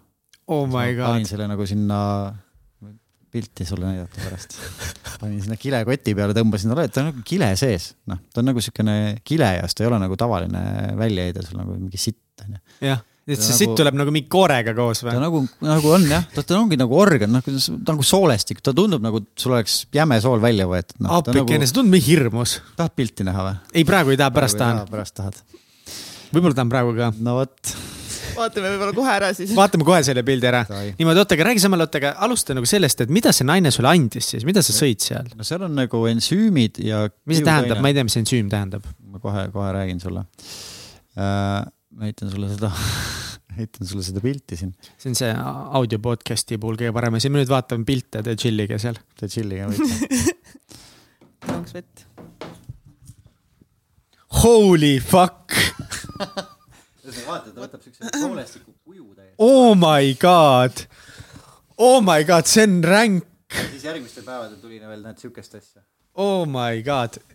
ongi nagu kuivanud soolestik näeb veits välja. jaa aga mis seal sees on, seal on nagu ensüümid ja kiudained, ensüümid on ühesõnaga kiirelt hästi, mis on ensüüm, ensüüm on nagu me oleme mõlemad katsega praegu veits šokt, shell shocked. et, et ensüüm, ühesõnaga liigitakse ka, liigitatakse ka selles mõttes ainevahetuslikeks ensüümideks ja seedensüümideks. ma räägin siis, mis on seedensüümid, seedensüümid on see, mis keha toodab ise ja, ja aitab nii-öelda siis lõhustada äh, erinevaid aineid väiksemateks tükkideks, need saaksid nii-öelda seeduda läbi siis sooleseina. ja seedensüüme saab siis nii-öelda juurde võtta suu kaudu, manustad neid ja siis need nii-öelda aitavad sul seedida, mida sa söönud oled, eks ju, see, see äh, pakett siis koosnebki seedensüümidest, mis aitab siis nii-öelda lõhustada või pehmendada kõike seda, mis soole seina külge, seina külge on nagu äh, kogunenud ka peensoolde või jämesoolde. ja siis on seal suur kogus kiudaineid, mis siis nagu ei seedu inimese süsteemis, vaid äh, alles on toiduks nii-öelda bakteritele, aga see toob siis nagu kõik välja. aitab nii-öelda normaalse seedimise käigus läbi siis soolestiku tõmbab selle kõik, mis on pehmeks läinud, sealt nii-öelda välja, mida sa siis väljutad. see käib siis, see põhimõte on siis selline, miks ta on nagu ühepäevane ja üliefektiivne, ta töötab tavalise seedimise mõt-, nii-öelda süsteemiga, et, et sööd, tagant tuleb välja. Need on mingid taimed või? ainult jaa, taimsed, taimsed tooted, et seal on äh, mingi kolmkümmend erinevat taime, mis siis nii-öelda on kokku pandud. ja seda tehakse Taiwanis ja seal töötavad siis nii-öelda toitumisnõustajad, Hiina meditsiinispetsialistid ja, ja muidugi on seal ka nii-öelda siis kooskõlas selle nii-öelda lääne meditsiini poolega, et see, et noh, nemad nagu vaatavad, et seal ei oleks midagi sellist, mis on nagu hullult tugeva toimeline, et ta võib mõjutada mingit äh, organit või midagi, et, et selles mõttes on see pakett kokku pandud äh, nagu kodus kasutada, ta on nagu toidulisand tegelikult, see on toit. seal on mhm. taimed sees, on fermenteeritud hästi pika aja jooksul, on kolm aastat ja siis tänu sellele fermentatsiooniprotsessile tekibki sinna ka palju ensüüme kuna need bakterid siis töötlevad selle kõik asja läbi ja, ja tänu sellele on see ensüümi kontsentratsioon hästi kõrge. okei okay., ja see on see, mida sa sõid, aga nagu võib-olla siinkohal võidki nagu rääkida, et aga sa ütlesid, et inimese keha nii või naa teeb juba neid ensüüme ise. miks need siis peaks kuskilt juurde sööma? sellepärast, et inimese keha on, noh, ongi mõeldud ise puhastumiseks tegelikult, sul on, sul on ju organid olemas, on ju soolestik, maks, neerud, kõik, mis tegelikult neid mürkaineid välja viivad. Aga me elame keskkonnas täna kus seda lihtsalt on inimese kehale liiga palju ja põhiline selleks on stress. mida, ja mida stress teeb? Äh, inimesel on tegelikult kaks närvisüsteemi, era-, eristatakse. üks on sümpaatiline närvisüsteem, teine on parasümpaatiline närvisüsteem. ja see on selle jaoks, et kui sümpaatiline närvisüsteem on aktiveerunud, see tähendab, et inimene on stressis, et ta saaks võidelda või põgeneda esimese ohu korral, ehk ta on kogu aeg valmis nii-öelda ohtu vastu võtma ja, ja see on nii-öelda noh, vanasti oli siis vajalik selleks, et kui tiiger hakkab taga ajama, on ju, siis ei ole mõtet sul toitu seedida, noh, sa pigem jooksed ära ja siis hakkad seedima, sest muidu jääb sul viimaseks korraks see.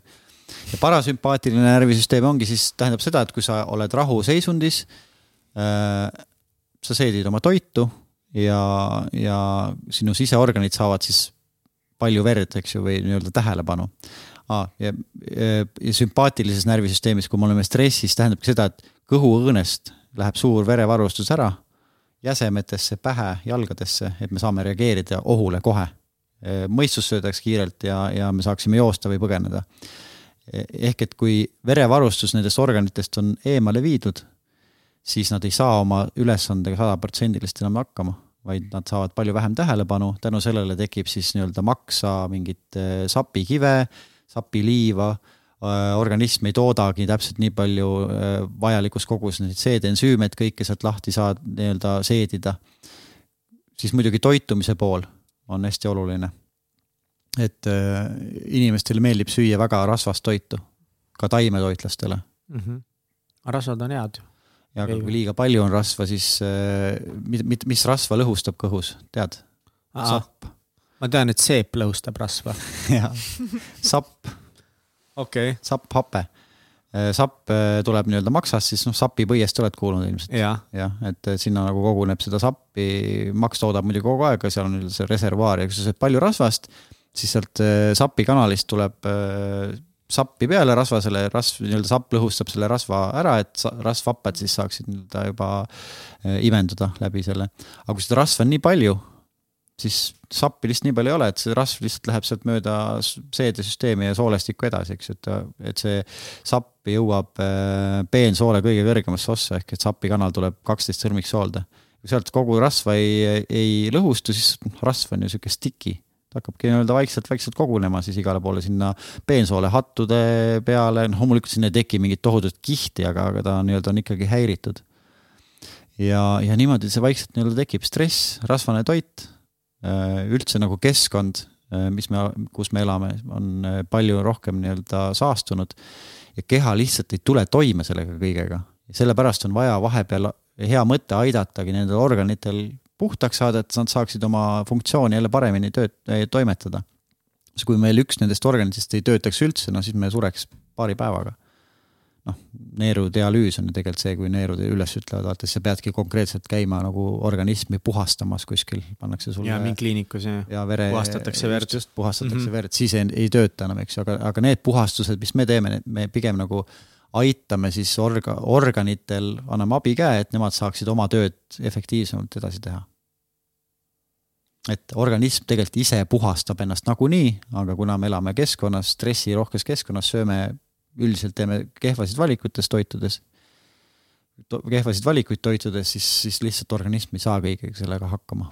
ja siis meie sisse hakkab kogunema. kogunema sihuke kuradi sita hunnik lihtsalt, et see on lihtsalt jube. oh my god, kas see ausalt, see pilt oli see pilt nagu, et sa ei valeta praegu või? ma ei valeta, maha, ma näitan sulle veel ühte. ei, ma ei taha praegu ei, mitte aga sita pilti, ma näitan sulle enne ja pärast, vaata. samas veits, veits tegelikult veits tahan ka. Aga nagu ausalt öeldes. veits tahad ka? veits tahan ka jah tahan küll jah. nagu mul nagu veits on nagu isegi hirmus mõnes mõttes mõelda, et kui minu seest tuleb ka sihuke asi välja, et appi, et nagu. see on nii loll mõte praegu peas, et nagu ma pigem jätan ta sinna sisse ja suren ära, kui et lasen selle välja. ja, ja seda tegelikult ütlevad jumala paljud, et me nagu ise imestamegi, et kuidas see võimalik on.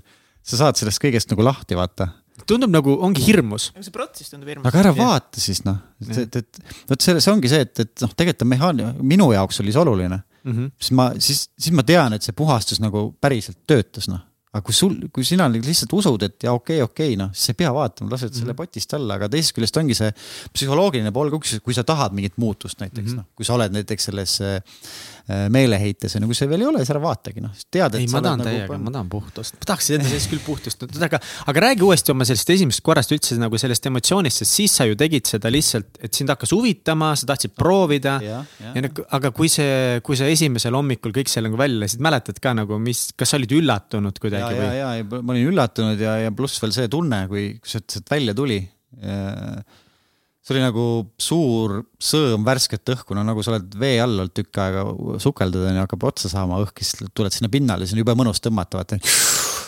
mm.. ja mul oli sama tunne. et ja, ja me, me satume sinna nagu halvemasse tervislikku seisu, no mitte nagu kohe, vaid see tekib mm. ja tekib, me ei pane tähelegi seda. see tuimus ja kõik ju vaikselt-vaikselt nii-öelda läheb allapoole ja, ja noh, ei saa ka nagu arugi. ehk siis see tunne kõigepealt ja siis selle peale kohe, siis ma tahan oma sõpradega jagada seda. ja siis ma olin äh, pärast veel seda oli mingisugune neli päeva vist mahlade peal, mul oli hea olla ja noh, kaks päeva me soovitame nagunii olla sellel. siis mul tuli veel seda nagu noh, me ei näinud mahle, seda nagu jät-, noh seda tuli ja tuli nagu seda, seda mustust välja, sest noh, see puhastus ei käigi nagu ühe korraga, vaata seda on nagu tavaline seedesüsteem. mõne nii-öelda väljutuse käigus, siis mõnel tuleb kaheksa korda seda väljutust, mõnel on, piirdub kolmega. pluss ma kaotasin kehakaalu päris palju. Äh, pluss minu toidukorrud, korrad või portsud läksid palju väiksemaks, sest mul ei olnud vaja süüa nii palju kaloreid enam, sest minu seedesüsteem, süsteemi kaudu imendusid mikro- ja makrotoitained palju paremini. sest see sein ei olnud nagu, soolestiku sein ei olnud mingit plokki ees, ma just hakkasin praegu vaatama, et kui pikk üldse on inimese, siin on kuskil kirjas, et peensool on umbes viie meetri pikkune no toru ja selund. Äh, ja siis, kui ta on surnud inimesel, on viiemeetrine, et ta tegelikult, kui ta on. Äh, jämesool on üks koma meet-. kui ta on äh, toonuses, siis ta on sihuke kaks, kaks pool meetrit. okei okay.. et aga kui ta nii-öelda läheb lihast no meetreid ühesõnaga. nii, siis no, mis nii, keegi küsis, keegi küsis, et mis, kas sul enne ja pärast pilte on, see on tehtud kolmkümmend üks jaanuar. ma tegin vist teisel veebruaril väga ilusas kohas niimoodi, siin on pilt, kus sa oled mingi teise kutiga, olete paljalt äh, ja, ja teete midagi, ei, tegelikult te olete lihtsalt äh, kuskil puude taustal. järgmine pilt on siis viisteist päeva pärast puhastust. What the hell? ah ühesõnaga. minus toimusid sellised. esimesel pildil on ta näost äh, paks ja teisel pildil on näost megapeenike. ja üks on ja näost, aga silmavaade ja kõik on nagu hoopis, noh noh, üks on nagu terve inimese vaade ei olek ja teine on nagu, nagu sihuke rõõsa või sihuke nagu põski. noorem nagu,, sa näed noorem näost välja. Nagu... jah. äkki need pildid lihtsalt saame saata alla pärast panna. konkreetne vaata, Lihh ja Õllemees, kes käivad vaata seal nende äh, maikadega ringi mm -hmm. seal Tais. palju nende piltide vahe on? Äh, seitseteist päeva seitseteist päeva või? ausalt või? jah, no vaata, siin on peal, pärast, usu, ma pärast võin näidata. kolmkümmend üks jaanuar Kopangan, aga kaheksateist veebruar, kaheksateist päeva no väga vahet ei ole, viisteist või kaheksateist või. aga see ei tähenda seda, et see puhastus nagu oleks siis mind hullult peeniks teinud, see puhastus annab lihtsalt äh, organismile, ta teeb puhtaks soolestikku, ehk sul ei ole vaja nii palju süüa enam, sa saad vähem, vähemate kaloritega kõik kätte, mis sul vaja on ah,. hästi pull oli see, et kui ma tulin tagasi sealt, siis ma oma treeneriga mõõtsime mu kehamassi või noh, ühesõnaga kehamassi indeksit ja, ja kehamassi koostist. ja ma olin kaotanud seitse kilo ja, ja lihasarvelt oli läinud ainult üks kilo pooleteist kuuga. küsisin, kuidas võimalik on, sest no ta jäi ka niimoodi, ju siis keha on saanud kõik kätte, mis vaja on olnud. ja siis mul tuligi, siis ma mõtlesin, et ah, ma tegin puhastust ja ju siis tänu sellele on saanud nagu kõik kätte sest mul tõesti need isud läksid väga väikeseks, mul ei olnud nagu vaja süüa, ma sõingi võib-olla niisugune ühe korraliku toidu yeah. nagu päevas ja siis mingit puuvilja natukene. see on ju ammu teada, et inimesed söövad päevas nii palju rohkem, kui tegelikult vaja on, on ju. just, just, et, et see kalorite nagu ma ei taha siin eh, propageerida seda, et, et umbes, et sööge vähe kaloreid, vaata, et pigem. kalorid nagu... on vaja kätte saada nädala jooksul. jaa, aga need kalorid on ka ületähtsustatud, ei ole nii, et, et ma nüüd pean igal juhul mingit kalorit kätte saama, tegelikult on see enesetunde küsimus, et kalorid on lihtsalt väga nagu primitiivne viis, kuidas on arvutatud kalorid või toidus sisalduvad kalorid, eks ju, need on üle sajandi vana, vana tehnoloogia või, või viis üldse, kuidas seda arvutatakse. Kuidas kalorid äh, tegelikult keha vastu võtab, oleneb mikrobiomist inimesel. mõnel on, äh, mõni hullult pingutab, on ülekaaluline, pingutab, sööb vähe kaloreid, ikka kaal alla ei lähe. mõnel sööb ükskõik mida, jumala sale, aga see oleneb mm -hmm. mikrobiomist bakteritest sinu soolestik, soolestikus oleneb see, kuidas äh, toit sul imendub või, või kuidas sul, kas ta paneb rasva mm -hmm. kõrvale või, või mitte mm. -hmm. et äh,, et äh, siin ei saa nagu lihtsalt vaadata tuimalt nagu kaloreid, vaata. meil Katsiga selles osas on vist mõlemal nagu veits vedanud, et me pigem oleme inimesed, kes nagu noh, raskelt võtame kaalu juurde. jah jah, nii et selles mõttes, et vastab nagu, nagu tõele. teistpidi eh, halb, et siis sa justkui võiksid süüa nagu kõike eh, saasta, vaata, kui see ei, ei kohe ei ilmne nagu füüsiliselt mm, -hmm. et sa võtaksid ja. nagu juurde, onju. Mhm. aga noh, mis teistpidi tähendab seda, et lihtsalt nagu seest, seestpoolt on nagu katki kõik, aga see ei paista väljapoolt võib-olla nagu nii otseselt välja, kui oleks nagu. nojah, sa oled alati peenike, sa oled alati peenike, aga see ei tähenda, ongi, et sul on kõik need toitained käes, mida sa vajad, onju ja seda, see ei pruugi olla hea, tegelikult on ju alakaalu küsimus on ka tihtipeale inimestel, kes söövad ja söövad, aga kaalu juurde ei võta, eks see on nagu kõik äh, hästi palju äh, mikrobioomist kinni. muidugi seal võib olla ka mm -hmm. muid põhjusi, aga noh, mikrobiomi uuritakse täna nagu tohutult ja, ja see tundub, et tuleb väga suur nagu muutus üldse meditsiinis ja, ja, ja üldse sellel lähenemisel või et see, see kõik nagu, see paradigma muutub meditsiinis läbi mikrobiomi lõpuks nagu lahti häkkimisele, et seda, seda veel ei oska paljud nagu öelda või noh, seal ei ole väga tugevat teadust taga, aga seda tehakse. kolmkümmend teadustööd tuleb keskmiselt iga päev mikrobiomi kohta oh, wow. välja maailmas eks see on nagu meeletu protsess ja, ja areng. okei okay,, aga mis siis, mis siis nagu sa, saama hakkaski, et sa said aru, et ah, et sa tegid seda soolepuhastust, tulid Eestisse tagasi, tundsid ennast paremini?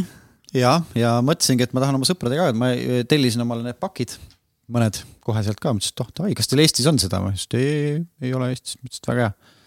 ma siis proovin ära et äkki hakkan sellega tegelema, vaata. siis mõtlesin, et äkki ma olen mingi ainuke loll, vaata, kellele mõjus või noh. siis esimene inimene, kelle juurde ma läksin, ütlesin, et davai, sa pead ka tegema, oli ema. ta oli mingi kuuekümne viie aastane tol ajal. jah, võis olla jah, kuuskümmend viis. Tegi läbi, kaotas kaalu, silmad läksid särama, järgmisel päeval käis abielusõrmus sõrmest ära, mis äh, nii-öelda paistes näppude tõttu oli nagu väga raskelt käinud. ta viib, toob välja ka nii-öelda liigset niiskust, vedelikkus ja puhastus ähm, tundsin ennast ülihästi, ühesõnaga vaatasin, et nii emal ka töötab.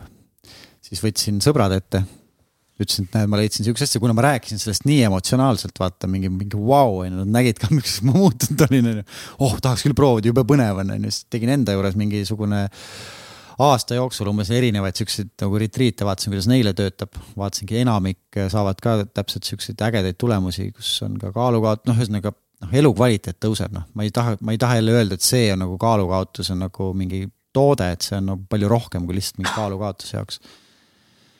Ja siis ma mõtlesin, et mingil hetkel ma mõtlesin, et okei okay,, et äh, ma näen siin seda, et ma saan tegelikult seda viia inimesteni niimoodi, et ma teen nagu suurema mingisuguse ettevõtte, et ma saan seda tegelikult viia palju suuremat, suuremate inimest või suurema massi inimesteni aga kui ma olen nüüd nii-öelda see mees, kes ütleb, et mul on ettevõte soojuspumba alal ja hakkan neile tervisest rääkima, siis tõenäoliselt mu usalduskrediit ei ole noh. Ja, ja sa oled ju soojuspumba mees no, sa ei ole mingi tervisemees. et kuigi ma nagu ettevõtjana ju olen äh, nagu usaldusväärne, edukas on ju, aga noh, sa räägid nüüd tervisest on ju, sa võiksid mm. nagu ükskõik mis tehnilises alas, alas nagu rääkida, sa oleks nagu usut- või tõe, tõe, nii-öelda mm, usutav. aga nüüd sa tuled tervisest rääkima, siis ma mõtlesin nii kuna see ta, koosneb ka taimedest ja see on Hiina toode, noh, Taiwan'i toode, siis mul tuli esimesena meelde Rene Pürk. Taiwan ei ole Hiina. Ja no Taiwan ja noh, just see oli poliitiline statement sa, praegu. bänni varsti, sa ei saa varsti Hiina sisse, kuulevad. ma ei tahagi minna Hiina ma olen nõus, ma olen nõus loobuma Hiinas käimise võimalusest, et seista Taiwan'i õiguste eest. ma olen absoluutselt nõus. nii, jätkame aga mul tuli kohe Rene Pürkland meelde, et Rene Pürkland on ju Eestis hästi tuntud äh, Hiina meditsiiniarst mm. -hmm. Aga mina teda tol ajal ei tundnud üldse, vaid vaatasin kohe, kus on Rene Pürklandi mingi loeng või midagi, kuidas ta vastuvõtule saaks. vastu ongi mingi loeng, kus ta rääkis huvitav, huvitav, huvitav seedimisest. Läksin sinna loengule, kuulasin ära, lasin küsida kõikidel küsimused ära, lahkuda saalist ja ütlesin Renele, et noh, viisaka inimesena jäin viimaseks nii-öelda, teadsin, mul on pikem jutt, ütlesin treenerile, et tead, ma leidsin Tais reisides sellise toote, mis võib väga paljusid inimesi aidata. aga sa enne Reneed ei teadnud, te ei teadnud üksteist jälle? okei. et äh, kuna see koosneb erinevatest taimedest, äh, paljudest mingid võõra, võõrama taimed, seal on küll muidugi hästi tavalisi taimi ka sees. et ole hea, viska pilk peale, vaata, mis asjad need on et äh, anna mulle tagasisidet, kas sul on aega vaata, ma ütlesin ja, ja ma võin vaadata küll, saada mulle infot. no saatsin info, tükk aega ei saanud mingit vastust. Äh, kirjutasin talle lõpuks, et kuule, et noh, ma saan aru, et sul ongi nagu noh, sa oled tähtis mees on ju, aitad inimesi, tead palju. et kui sul ei ole päriselt aega vaadata, on ju, et äh, noh, ütle mulle, et ma küsin kellegi teise käest seal kohe tekkis aeg ütles mulle, et tead, kui need taimed on väga nõrga toimega, et kui nende, nad ei mõjuta nagu mingeid äh, organeid, et ohutud. kui nendega saab soolestikku puhastada, siis on küll vägev asi, onju. Tagantjärgi ta ütles, et ta oli nagu üliskeptiline, noh. talle kogu aeg pakutakse mingeid, ma ei tea, mis asju. väga hea, proovi.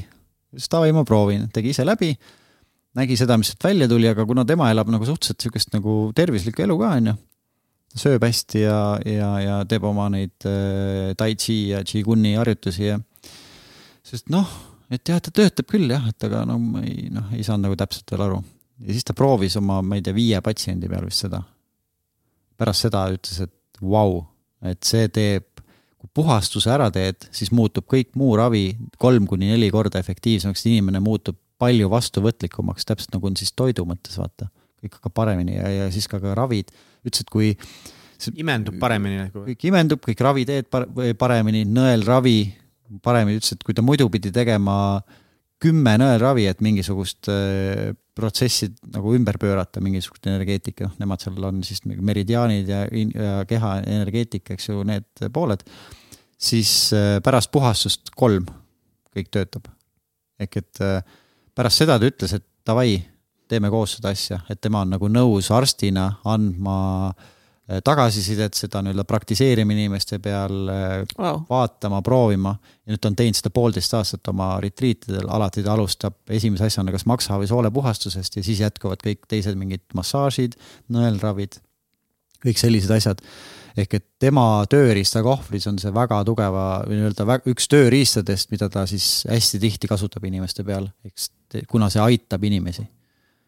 Ja see oli see koht, kas, kus mulle tuli veel eriti niisugune sisse mingi oo oh, vau, on ju, et Rene nagu ka ütles nagu niisugust asja ja nagu nõus tegema, noh, ta on tõesti väga noh, väga ausalt teeb oma, oma tööd ja, ja esimene asi, mis ta ütles ka, et aga, aga ma olen nõus ainult siis tegema, kui ei ole sellist asja, et Rene Pürkland soovitab kuskil mingeid plakateid, ma ütlesin, noh, ma arusaadav on ju, sa oled arst ja, ja sina teed lihtsalt seda. sul ei olnudki nagu reklaamikampaaniad välja mõeldud aga, aga ja siis see, siis niimoodi nagu edasi hakkas minema ja inimesed võtsid selle tegelikult päris nagu kihvtilt vastu, me oleme nüüd äh, e-poes e, e-pood tuli eelmise aasta mingi septembris äkki või, oktoobris, et, et siis hakkas nagu vaikselt nagu üles kerima ja. kuidas, kuidas see, kuidas te nagu hakkasite siis pihta, kuidas hakkasite siis pihta sellega, okei okay,, et äh, Rene ütles, et nagu hea asi, siis said nagu mingi kuule, et nagu, et sellel on päriselt võib-olla nagu potentsiaali, siis hakkasid seda siis maale tooma siis äh, Taiwanist või kuidas? just, siis me tegime lepingu, nii-öelda lepingu selle Taiwan'i, ahah, mitte ei hakka teinud lepingut, tegelikult ma lendasin veel enne Taiwan'i tehasesse ka, sest ma tahan ikkagi teada, mis seal siis tegelikult toimub ja nad olid mulle rääkinud seda juttu, noh esimene, üks jutt oli see, et, et kolm aastat fermenteeruvad, on ju, fermenteerimisruumis, kõik tehakse nii-öelda läbi sellise kääritamise. ja siis nad veel ütlesid, et ja seal on veel, mängitakse sihukest nagu klassikalist muusikat, Mozartit ja, ja ah., ja kõike sihukest nagu mantraid, eks ju, nendele. mõtlesin, nojah, et see on nagu sama jutt nagu konjakitel on, et eh, meie vaadid laagerduvad eh, laevades, mis sõidavad ümber maailma. muidugi nad laagerduvad seal. mõtlesin, see on nagu lihtsalt ilus jutt ja. see tundub nii nonsense lihtsalt. ja päriselt. Neil no, on suured point ferment... sellel on. No neil on väga suur point, kui sa vaatad, kuidas energeetika sinu keha kallal töötab. seda on mul küll raske uskuda, et see aitab. aga seda ei ole peaaegu uskuma, seda pead mingil hetkel võib-olla kogema. aga, aga see selleks ehk, et kõik need mantrad ja asjad ehk et mõte selles, kas ta töötab või ei tööta, see selleks, see on täitsa. ei no ma usun, et suva. nagu taimed töötavad, sest taimed ongi nagu ja. meie toit, aga et see, et see Mozart nagu annab mingi viimase punkti peale. aga isegi kui ta ei anna, siis mind nagu veenis see, et, et need, kes seda asja toodavad, nad tõesti tahavad, et see oleks nagu viimase peale asi, nad võtavad isegi selle heli mingi võimaliku mingite mantrate nagu. Äh, no see näitab nende pühendumist nagu. Nad tahavad tõesti nagu viimase peale asja teil mm -hmm. nagu inimestele pakkuda, mitte lihtsalt seda, et teeme nagu mingit pappi, vaata. et, et, et see, see nagu ka mind hästi nagu, nagu tegi, tekitaks ka vau-efekti, et tõesti vau, et nad päriselt teetegi seda, et teil on mingi kõlarid ja suured fermenteerimisruumid ja see muudkui käib ja noh, siin on sisenemine, sisenemine oli muidugi mingi maskidega ja kinnaste värkidega. et ja, ja siis me, siis kui Rene ütles jah, et, et et ta näeb sellest suurt potentsiaali samamoodi, et see tõesti aitab inimesi, siis me hakkasime kodulehte tegema juba ja tegime lepingu seal äh,, selle brändiloojaga ja, ja, ja siis hakkasime toimetama, noh. hakkasime võtma inimesi tööle, seda asja nii-öelda populariseerima lihtsalt siin inimeste ja Eestis. aga kas ise tunned, et sa siis leidsid endale selle mingi uue eesmärgi, mida sa olid taga otsinud või? ja noh, minu eesmärk on tegelikult või, või ma leidsin selle, et, et see see toode aitab inimesi. minu eesmärk ei ole, noh, täna ma olen tegelikult sattunud mõnes mõttes sinna kohta, et ma nüüd selle inimeste aitamise juurest sattusin jälle ettevõtte ülesehitamise juurde ja see mulle tegelikult üldse ei sobi. mul on tegelikult stress praegu, kui ma siin räägin teiega, mul on see sümpaatiline närvisüsteem on pidevalt aktiveerunud, on ju. et äh, mulle tegelikult, mis minu nagu mõte või, või mis mind sellest tohutult nagu inspireeris, oli see, et see aitab inimesi ja, ja ja mind väga täidab see, kui ma sain neid teha kodus, neid äh, inimesed tulid kokku, sain läbi viia neid puhastusi, ma nägin, et inimestel lähevad silmad särama, ma sain neid toetada, et see on minu see pool. Ja, ja, ja me püüamegi minna sinnapoole. No, nüüd ettevõttes, et ma saaks hakata tegema neid äh, retriite. nagu ma siin saate algul rääkisingi, et ettevõtetele äh, mõtleme pakkuda neid asju, et, et ettevõtted saavad oma inimestega tulla mõnusale nädala lõpule, kus nad saavad siis puhastuda saada teada tervislikust toidust, kuidas nii-öelda tervislikult elada, kuidas seda lihtsalt nii-öelda teha, et, et äh, proovime nagu sihukese paketi kokku panna, et ei tule lihtsalt, ei ole pummeldamist mm. -hmm. inimesed saavad teistmoodi nii-öelda connect ida, rääkida oma asjadest ja, ja saada väga palju nagu abi just selle koha pealt, et kuidas ise tervisesse panustada, seda tegelikult ettevõtted ju ei õpeta inimestele mm, -hmm. inimestel on see, tegelikult on nende nii-öelda vastutus, on ju. et ja just neid asju siis läbi viia on see, mis mind nagu väga kõnetab. aga see ettevõtme administratiivne pool on nagu midagi, mida sa oled elus juba nii palju teinud, et ja. see kuidagi nii ei kutsu sind enam nii palju. see on vastik mulle. on ju, aga mis sa siis teed täna, et, et sa ei peaks sellega tegelema? no mul on äh, nüüd äh, hea kolleeg Kris on võetud sinna nii-öelda äh, siis potentsiaalseks tegevjuhiks samamoodi nagu ma Ait Nordis nägin ja ta on mm -hmm. väga huvitatud ja tema ei ole seda läbi, läbi teinud ja tema on äh, väga nagu põnevil kogu sellel, kogu selles äh, protsessis ja tema tahab hullult pappi teha ja, ja noh, noh edasi viia, sest et mulle hästi meeldib see, see mõte ka, et, et äh, oh nojah, et või noh, selg-, selgitada seda, et ettevõtted ju teenivad siin kasumit ja et noh, tihtipeale võib-olla mõeldakse, et ei peaks äkki teenima või noh, tekib mm -hmm. nagu paha tunne, noh, tahaks nagu odavamalt saada. aga kui ettevõttel on raha või, või vahendeid, siis seda toodet saab viia palju rohkemate inimesteni, siis sa saad reklaami osta. selle kaudu saavad palju, palju, palju rohkemad inimesed nagu abi, mulle see Osho hästi seda nagu alati põhjendas, miks sa nii palju raha võtad. tead, kes Osho oli? jah jah, Osho ütles, et kui ma raha ei võtaks, me ei saaks oma õpetust maailma viia mm. -hmm. nii ongi, siis oleks mul lihtsalt väike ashram siin võib-olla me saame siin äh, rääkida kolmesajal inimesel aastas, aga me ei saa viia seda massidesse, seda nagu oma ideed või, või seda poolt, mis, mida, mida tegelikult inimesed üle maailma vajavad. et seal jookseb alati vaata nagu see piir, sest nagu tänapäeval kapitalistliku demokraatliku ühiskonna toimimise üks alused ongi tugevad ettevõtted, et seal ongi, et on nagu ettevõtted mis võib-olla on nagu ebaeetilised, alati on ettevõtted, kes on liiga kasumlikud, aga noh, päeva mm -hmm. lõpuks on see, et, et edukad ettevõtted maksavad inimestele palkasid. hoiavad ühiskonda toimimas, pakuvad teenuseid, et selles mõttes jah, et see ei ole nagu midagi, mida peaks nagu vältima või, või millesse peaks kuidagi negatiivselt suhtuma, et on ettevõtted, mis on väga tervislikud ja teenivad head kasumit. see on ainult, ainult super meile kõikidele ja. ja see annab ka võimaluse meil olla näiteks aktsionärid mingid Tallinna Kaubamajal ja muudel kohtadel ja tead, siis siis sa saad minna Tallinna Kaubamajja, oled väike aktsionär, ostad viiesaja soti eest eh, Kaubamäe aktsiaid. Lähed sinna kassatädi juurde, noh, kuidas meil siin täna müügid on, et ma siin ka omanik, et noh, vaatan müügid üle, mis, mis toimub, kus läheb. ma olen alati ette kujutanud, kuna ma olen ostnud kunagi viiesaja euri eest eh, Tallinna Kaubamäe aktsiaid, siis oleks nii naljakas minna sinna kuskile mingi poetädi juurde, et noh, kuidas täna müügid on palju kassat tulnud on? vaatame üle või? kes sa oled üldse, mis siis?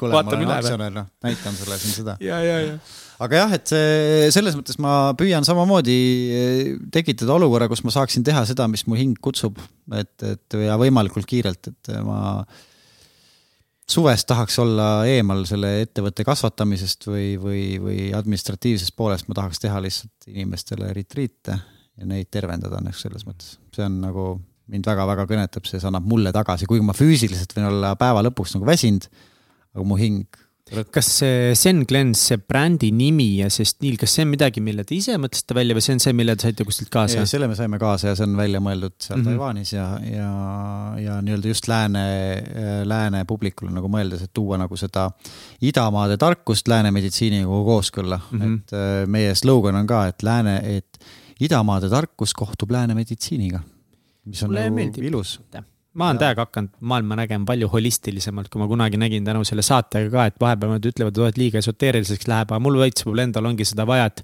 ma olen liiga pragmaatiline liiga peamaailmas elanud ainult, et ma nagu saan aru, et ilma selleta ei saa. aga kuidagi tuleb see pilt nagu koos kokku panna, tulebki nagu kõike mõnes mõttes võtta, mida see maailm pakub ja need omavahel toimima panna, et nagu see duaalsus, see tasakaal. ja hästi huvitav on see ka, et tegelikult see Hiina meditsiin hakkab ju järjest rohkem nii-öelda populaarsust koguma ja põhjusel, et äh, lääne meditsiin tihtipeale tahab või tegelebki ainult nende tagajärgedega, et saame nii-öelda vererõhu alla mingite tablettidega või südame paremaks ja mm -hmm. ta, ta, ta, aga ta ei mõtle seda, et kuidas vältida no ei ja... ole nagu, tal ei ole aegagi selle peale mõelda mõnes mõttes, me oleme nii katki mõttes, juba. ja mõnes mõttes üks noh, üks on aeg, aga teine on see ka, et, et ikkagi äh, noh, siiamaani on olnud see, et, et riigid suudavad noh kinni maksta selle. aga nüüd hakkab tekkima olukord, kus Eesti Haigekassa on tohutus miinuses. Tegelikult oleks vaja, et inimesed oleks tervemad. Ja tegelikult on üle maailma see probleem. Mm. -hmm. mida Hiina meditsiin õpetab, kuidas tervelt elada, kuidas mitte haigeks jääda, ehk et see on nagu minu meelest ideaalne kombo. Hiina meditsiini õpetab seda, kuidas me tervelt elada saaksime. Ja kui meil tekib mingi jama, siis tuleb lääne meditsiin äh,, parandab meid ära, aga samas me äh, leiame ka selle põhjuse, okei okay,, ma olen nagu tõesti üle töötanud, on ju, proovime seda nagu parandada. et me elame tegelikult äh, tervemana, tänu sellele on meil äh, ka rahaline koormus meil, äh, meditsiinisüsteemile palju väiksem ja, ja., ja me oleme lihtsalt rõõmsamad ühiskonnana. loogiline noh oh,. Zen Glens. Zen Glens, jah Zen Glens, noh, hea nimi.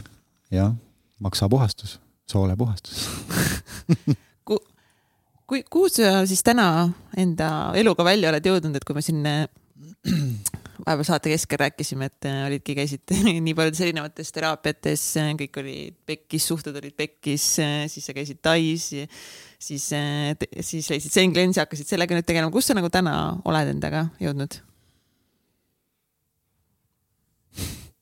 no ma olen kogu aeg liikumises, aga, aga kus ma olen ähm,? mul on äh, uus naine äh,. Mul on äh, uus suhe täitsa uue kvaliteediga ähm,. siis mul on äh, tütar, kümnekuune täitsa uue kvaliteediga, vaatan teda kui oma, oma poega, kes mul oli esimesest suhtest või eelmisest suhtest. just selles mõttes, et ma olen äh, mitte sellepärast, et nad oleks kuidagi äh, kvaliteedilt erinevad, need lapsed, ma armastan mõlemat väga palju, aga ma tean, kuidas mina tol hetkel, kui ma olin kolmkümmend, kui mul poeg sündis, kuidas ma olin siis lihtsalt pühendunud sellele, et ettevõtet üles kasvatada ja, ja, ja, ja see tähelepanu lapsele oli nagu selles mõttes noh, kaootilisem tunduvalt, et äh, kuigi ka praegu on selliseid hetki, kus ma tunnen, et ma olen nagu üle töötanud ja siis ma nagu lähen kuskile netti või vaatan mingeid uudiseid, et noh, saaks selle lihtsalt mõistuse natuke maha, maha vaigistada, et, et äh, et selle asemel, et, et, et äh, tütrega olla.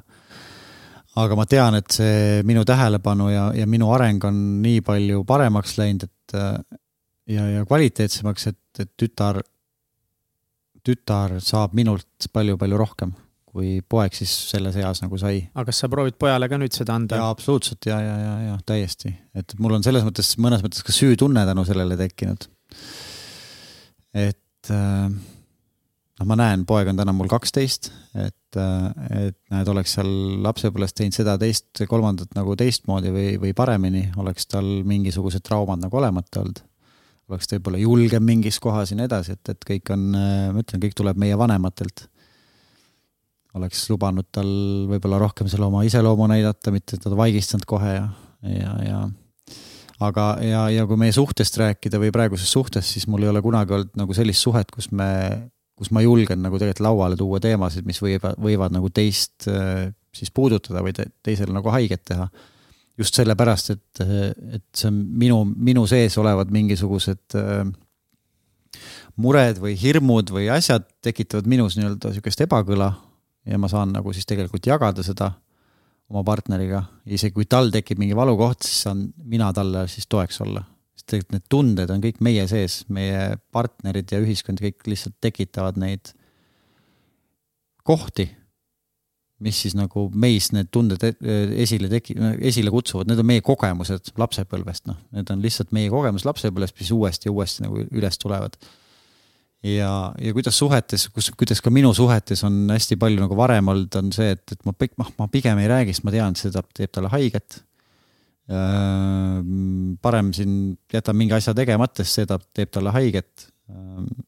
noh, ühesõnaga hästi palju tekitatakse seda kohta, et aga kui ma talle haiget teen, et äkki siis ta läheb minema, noh. aga tegelikult on need kõik siuksed mõnes mõttes pseudoprobleemid, sest tegelikult ju kaks inimest armastavad teineteist. Neid probleeme võibki olla raske rääkida, aga kui neid saab rääkida, siis see annab tohutu vabaduse tunde.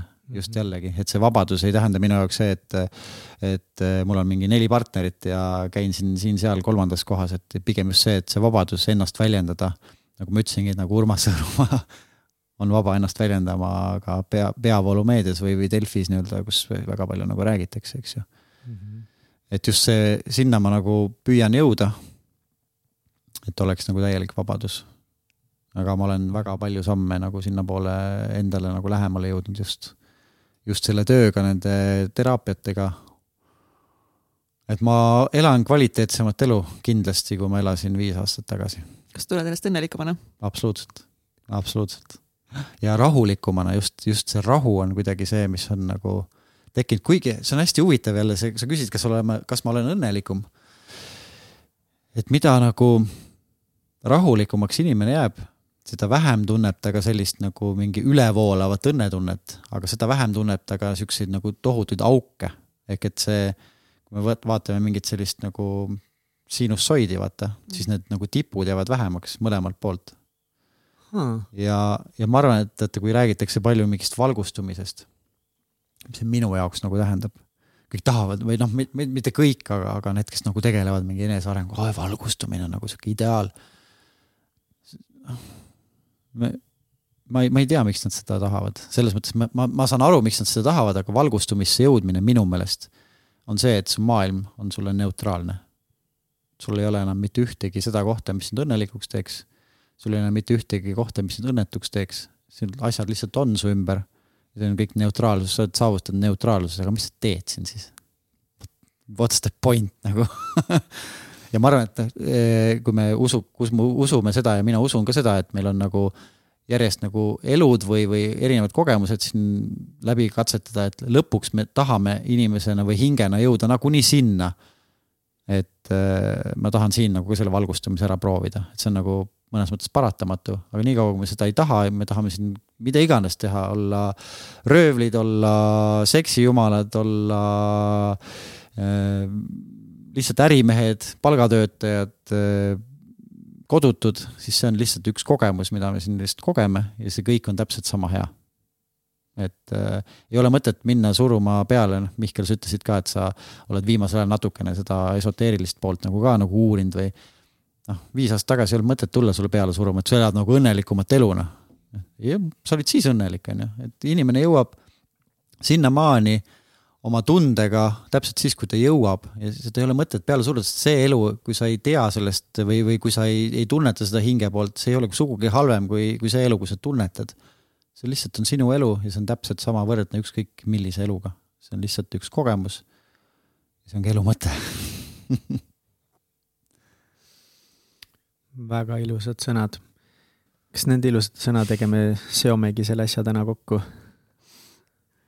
Vaikselt liigume sinnapoole. Need olid tõesti väga-väga ilusad sõnad, et ongi nagu jah, see just, et nagu mis kogemus meil praegu on ja ei ole nagu õiget ega, ega valet lõppkokkuvõttes on ju.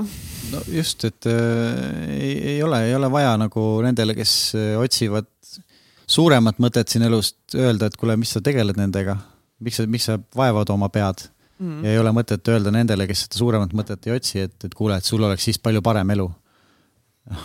See on kõik niisugune ego, ego, egomäng, noh. kõik teevad, kõik elavad oma elu täpselt nii hästi, kui nad oskavad. ja ka mm. psühholoogid on öelnud seda, et inimene teeb enda jaoks alati parima otsuse nendes piirides, mida ta täna oskab.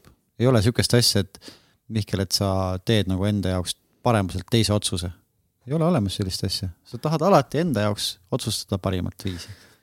Tahaks hullult vaidlema hakata hetkel, aga meil täna ei ole selle jaoks rohkem aega. sa võid, sa võid. ei nagu. kas sa meelega valid eh, enda jaoks nagu, et nagu sa tead, et nagu noh mm, -hmm. see on nagu parim, parim. iga päev.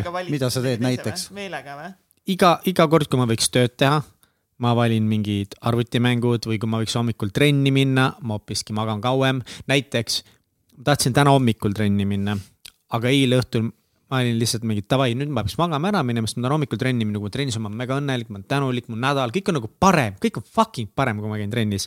ja siis ma olin õhtul lihtsalt, noh, et nüüd on aeg siis hakata vaikselt magama minema, vaatasin Youtube'i, istusin, vajusin tooli peal mingi mega pede asendisse, lihtsalt kuradi täis pikali lamasin seal, noh, ei viitsi minna magama ja siis ma olin legit mingi kella kaheni lihtsalt ei teinud sittagi, vaatasin Youtube videosid ja mega halb tunne oli. miks sa arvad, miks sa selle valiku tegid enda jaoks? ma ei tea, ma olin laisk ja loll no ma reaalselt, mina ei tea, miks ma selle valiku tegin ja siis ma olingi, et no hommikul ma ei saa trenni minna, sellepärast et kell kümme oli meil juba Katsi ja Marisega kõne. ma pidin seal kohal olema. ma ei saa minna nüüd hoopiski trenni, onju. Noh. aga miks sa teed seda, mis see, miks see, miks see sind sunnib seda tegema? mida? Neid valikuid, et sa tuled hoopis tööle või sa mängid hoopis videomänge või mis, mis sa arvad? Ei no videomänge on okei okay mängida, selle, sellepärast ma ei tunne ennast halvasti, aga kui ma lihtsalt panen tühja, ei tee midagi, vain seda Youtube'i. aga mis siis saab, kui sa kogu aeg tööd teed? paned kuradi kaksteist tunni, paned möllad, mis suga, mis sa no see on kauge äärmus et selles mõttes sellest no, kaheksa tundi, paned kogu aeg möllad, teed trenni, teed. asjad liiguvad kiiremini, paremini, ma olen rõõmsam mi... nende eesmärkide üle. aga mis siis lõpuks juhtub, sa oled ju näinud neid ettevõtjaid, kes läbi põlevad ja. aga ma olen näinud ka neid, kes saavutavad oma eesmärke, kui tänulikud nad on selle pärast et nad on midagi saavutanud, korda viinud, kui hästi nad ennast tunnevad. aga kas sa arvad, et, et nad on äh, alati väljendanud täiesti ausalt ennast, et nad ei ole kordagi videomängu mänginud ega niisama mollutanud? ei arva päris nii mm. -hmm. et seal tekibki see, et, et meie keha on tegelikult nii tark või alateadvus, et ta tegelikult surub meid kuhugi nii-öelda mõnes mõttes ka sinna ja me tihtipeale hakkame siis endale seda ette heitma. nii, nüüd me peame tegema nii, nii. okei okay,, nii, ma segan sulle vahele. okei okay,, jah võib-olla mu keha tahab mulle midagi öelda, et, et, et võib-olla sellepärast ongi tegelikult kogu see enesega töötamine nii oluline ja see ka esot-, esoteerilisem po-, e-, selle esoteerilisema poole arendamine endas ja selle holistilise vaate arendamine endas, et, et võib-olla me siis nendes olukordades saaksime aru, mida ma tegelikult vajan, sest ega ma tegelikult ei vaja ebamugavas asendis, pimedas toas, mingis koopas Youtube'i vaatamine, see ei ole ka see, mida ma tegelikult vajan, aga ju siis ma vajan midagi muud ja ma lihtsalt ei oska täna aru saada, mis see siis on äkki niimoodi siis? no niipidi võib ka mõelda jah, et sa või näiteks see, kui noh noh, ma toon enda näite, mul on väga pingeline päev olnud, tõesti, mul mõistus käib, mingi sada asja käib peas. ma tulen koju, selle asemel, et olla tütrega, mis iseenesest võiks olla nagu parim, ma võtan lihtsalt ette mingisuguse kuradi NBA äpi ja vaatan mingeid box-score'e lihtsalt. mida see teeb minuga, on see, et ta lihtsalt rahustab mu meele maha, mul ainult fookuses on üks asi, NBA mingi box-score, kõik muu nii-öelda rahuneb tagant see on mulle parim valik, kuigi ma mõistusega võin öelda, parim valik oleks mul ikkagi see, et ma olen praegu tütrega. aga kui ma praegu läheks ja oleks selle tütrega koos ja mul mõistus käib nagu mingid tööasjad on, ma tegelikult ju ei ole temaga koos, ma lihtsalt olen füüsiliselt on võib-olla süles mul. ma lihtsalt ei, tegelikult ei suuda keskenduda. ehk minu jaoks parim valik on see, kui ma olen natukene seal NBA äpis, rahunen maha siis ma olen tütrega. nojah, nüüd murekoht tekibki siis, kui sa nagu oled tihti ja tihti-tihti seal NBA äpis. liiga kaua. ja nüüd seda peabki mõtlema, et aga kas, mis su päev siis on olnud, kas sul on pidevalt mingi stress, kogu aeg on sul nii-öelda vaja tegelikult seda, et sul nüüd eh, keha ütleb, et keskendun ainult ühele asjale, las see ülejäänud nii-öelda see foon nagu taandub. siis peakski nagu mõtlema selle peale, et miks see, miks see on praegu parim valik, miks ma teen seda. miks on alkoholi parim, alkohoolikul parim valik see, et ta haarab selle alkoholi järgi, sest tal on nii suured pinged seespool et ainuke või parim viis, mida tema täna oskab teha, see ongi see, et tema oskab teha nendes nii-öelda tead-, nendes piirides, on see, et ta võtab alkoholi ja see kõik rahustab, rahustab nii-öelda närvisüsteemi maha. see on tema jaoks täna nende teadmiste juures parim valik. kui ta läheb kuskile AA-sse, eks ju, või AA-sse, saab seal uusi teadmisi, siis on tal noh, järgmised parimad valikud, mida ta teha oskab. aga sina oskad ka teha, mollotada, sel hetkel on sinule jaoks parim valik see, et sa ei oska midagi muud ette võtta. ja sul on seda vaja miks sa seda muidu teed, kui sul seda vaja oli, proovi seda. und oli vaja. miks sul seda vaja oli?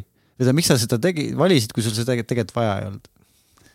tegelikult ju on vaja seda sa ju teed seda ometigi ma saan su pointist aru, aga ma ei usu seda veel täielikult, ma nagu saan mingil määral usun, aga.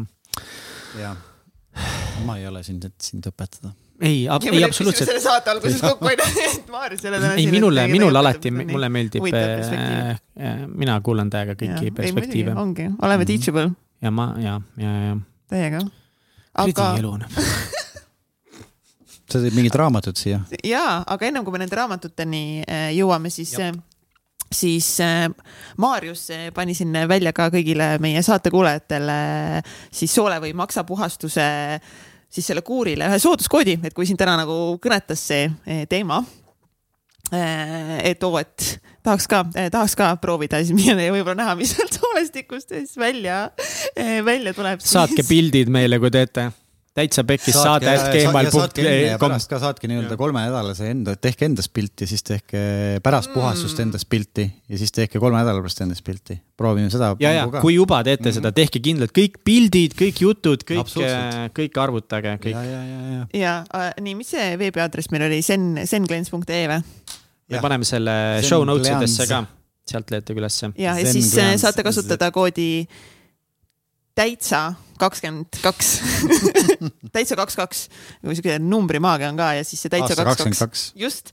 Eh,. voh, kakskümmend kaks, täitsa kakskümmend kaks annab aastal kaks tuhat kakskümmend kaks nüüd kuni kuueteistkümnenda eh, veebruarini siis eh, sulle kakskümmend kaks eurot, eh, siis saad soodsamalt enda, enda soolestikku puhastada või maksa. või maksa. või maksa, nii et mine, mine tšeki seda ja ja vaatame siin, Mihkel, kas võtame ka, võtame ka selle tee ette või targad inimesed ikka võtavad ei, ma tahaks seda, ma tahaks, tead, mis mind kõige rohkem kõnetas võib-olla ongi, aga mis, mis on see, et igalühel ilmselt see kogemus on erinev ja ei ole yeah. nagu mingit garanteeritud ühte kogemust yeah., aga kuidagi see, see, kuidas sa väljendasid seda, vaata, et, et nagu sõõm värsket õhku, et kui sa oled seal vee all olnud ja saad uuesti yeah. nagu hingata, on ju, et. et justkui vahepeal ma kõhus tunnen sama asja, ma tahaks seda mingit kergust siin kõhus tunda. et see kogemus on erinev, aga fakt on see, et ta mehaaniliselt puhastab selle ära. et seda ta teeb, see, kuidas inimene tunneb pärast seda või, või kas tal äh, kaovad siis noh, omamoodi isud ära või kas ta kaotab kaalu või see on hästi-hästi erinev. et mm -hmm. võib öelda, et enamikul see juhtub, aga see ei pruugi, aga mehaaniliselt teeb ta soolestiku puhtaks ja see halba ei saa kuidagi teha, et see on nagu hea pigem niimoodi võiks nagu öelda selle asja, asja peale. ja vaat-, vaatasin just äh, mõned päevad tagasi Instagramis nägin, et eh, see Elis Nikolai tegi ka just eh, seda. Ja, eh, sama solepuhastust peakski tema käest nüüd uurima, et kuidas tal oli, sest ta on ju väga selles mõttes terviseteadlik ja toitumisnõustaja, et kuidas mm, -hmm. kuidas tal oli mm, -hmm. peaks nüüd uurima, tal on nüüd mõned päevad möödas sellest. ei, see tegelikult mulle meenutab, et tegelikult ju kliinikutes näiteks, kus käiakse ka paastumas, spetsiaalses mingi spaatsis kliinikus, seal tehakse klistiiri mm. -hmm mis selle, mis on klistiiri ja selle Senglensi vahe? klistiiriga on kõigepealt pead tagumikust sisse ajama veevooliku omale yeah. ja siis puhastama seda. Äh, ja klistiir teeb. Äh, klistiir teeb ka head. ja, aga ta teeb äh, maksimaalselt jämesoole puhtaks, peensoole. ta ei jõua lihtsalt nii kaugele jah, ja, ja nojah, see vesi sa seda nii kaugele ka võib-olla suruda jah. et ja no oleneb klistiirist, kodune klistiir teeb võib-olla ainult ühe kolmandiku jämesoolest puhtaks, spetsiaalsete masinatega saab sügavamale minna aga peensoolde selle kõik. kõlab ka väga meeldiv protsess see ei ole eriti meeldiv protsess. aga see on nii-öelda ongi tavaline toidused sisse põhimõtteliselt need asjad, eks ju, normaalse seedimise protsessi käigus toimub puhastus, mis ei ole kuidagi invasiivne, ta ei äh,, sa ei, sa ei sekku kehasse mingite väliste asjadega, et ainult tegelikult on normaalne seedimisprotsess. ja, ja mis, mis ma arvan, nagu et nagu ülitervislik mis täiega räägib praegu selle Senglensi poolt, on nagu vähemalt nagu, kuna ma ei ole ka mingit kehapoostust varem teinud, et siis äh, ei pea kohe ette võtma vaata mingit tohutut äh, paastu ja, ja minema ja mm -hmm. mitu päeva, et, et see tundub nagu, selles mõttes, et tundub nagu Lää, lihtne asi. Lääne inimesele ideaalne, nagu rusikas silmaauku või siis ütle, rusikat silmaauku on alati vaja aga meil eh, ka siin, eh, Maarjus, eh, sulle valida kingituseks üks raamat. Aha. mis sind täna siin kõnetab, et Million Mindseti poolt siis näiteks esimene valik sulle on Darren Hardi liitvõimendus, sinu sissetulekute, elu ja edu kiirkäivitaja. sa oled vist selle, võiksid ise selle raamatu äkki kirjutada see kiirtee on juba, juba sulle, ma arvan, võib-olla käivitatud. aga siis John Maxwelli sihuke klassika veel siin, viisteist hindamatut kasvuseadust ja Seth Godini Madal seis, raamatuke, mis õpetab, millal loobuda ja millal jätkata. uh, seda tahaks. selle panid ära või, mis see oli seal? sama, mis see ah,. see oli topelt ma mõtlesin, et see oli midagi. Eh, see Seth Godini raamat tundub täiega põnev, seda, seda peaks ise ka lugema. Seth Godin, meil on tuntud eh, turundusguru. Ja siis Robert Igeri Eh, elu vägevaim seiklus Walt Disney Company tegevjuhina. viieteistkümne aasta jooksul omandatud õppetunnid. ma hakkasin seda audiobook'ina kusjuures mingi aeg kuulama, hästi põnev. seda, see on raamat, mida ma ise tahaks meie omades kõige rohkem hetkel lugeda. ma vaatan, et need on kaks sihukest, mis mulle kõnetavad. madalseis Seth Godin ja siis äh....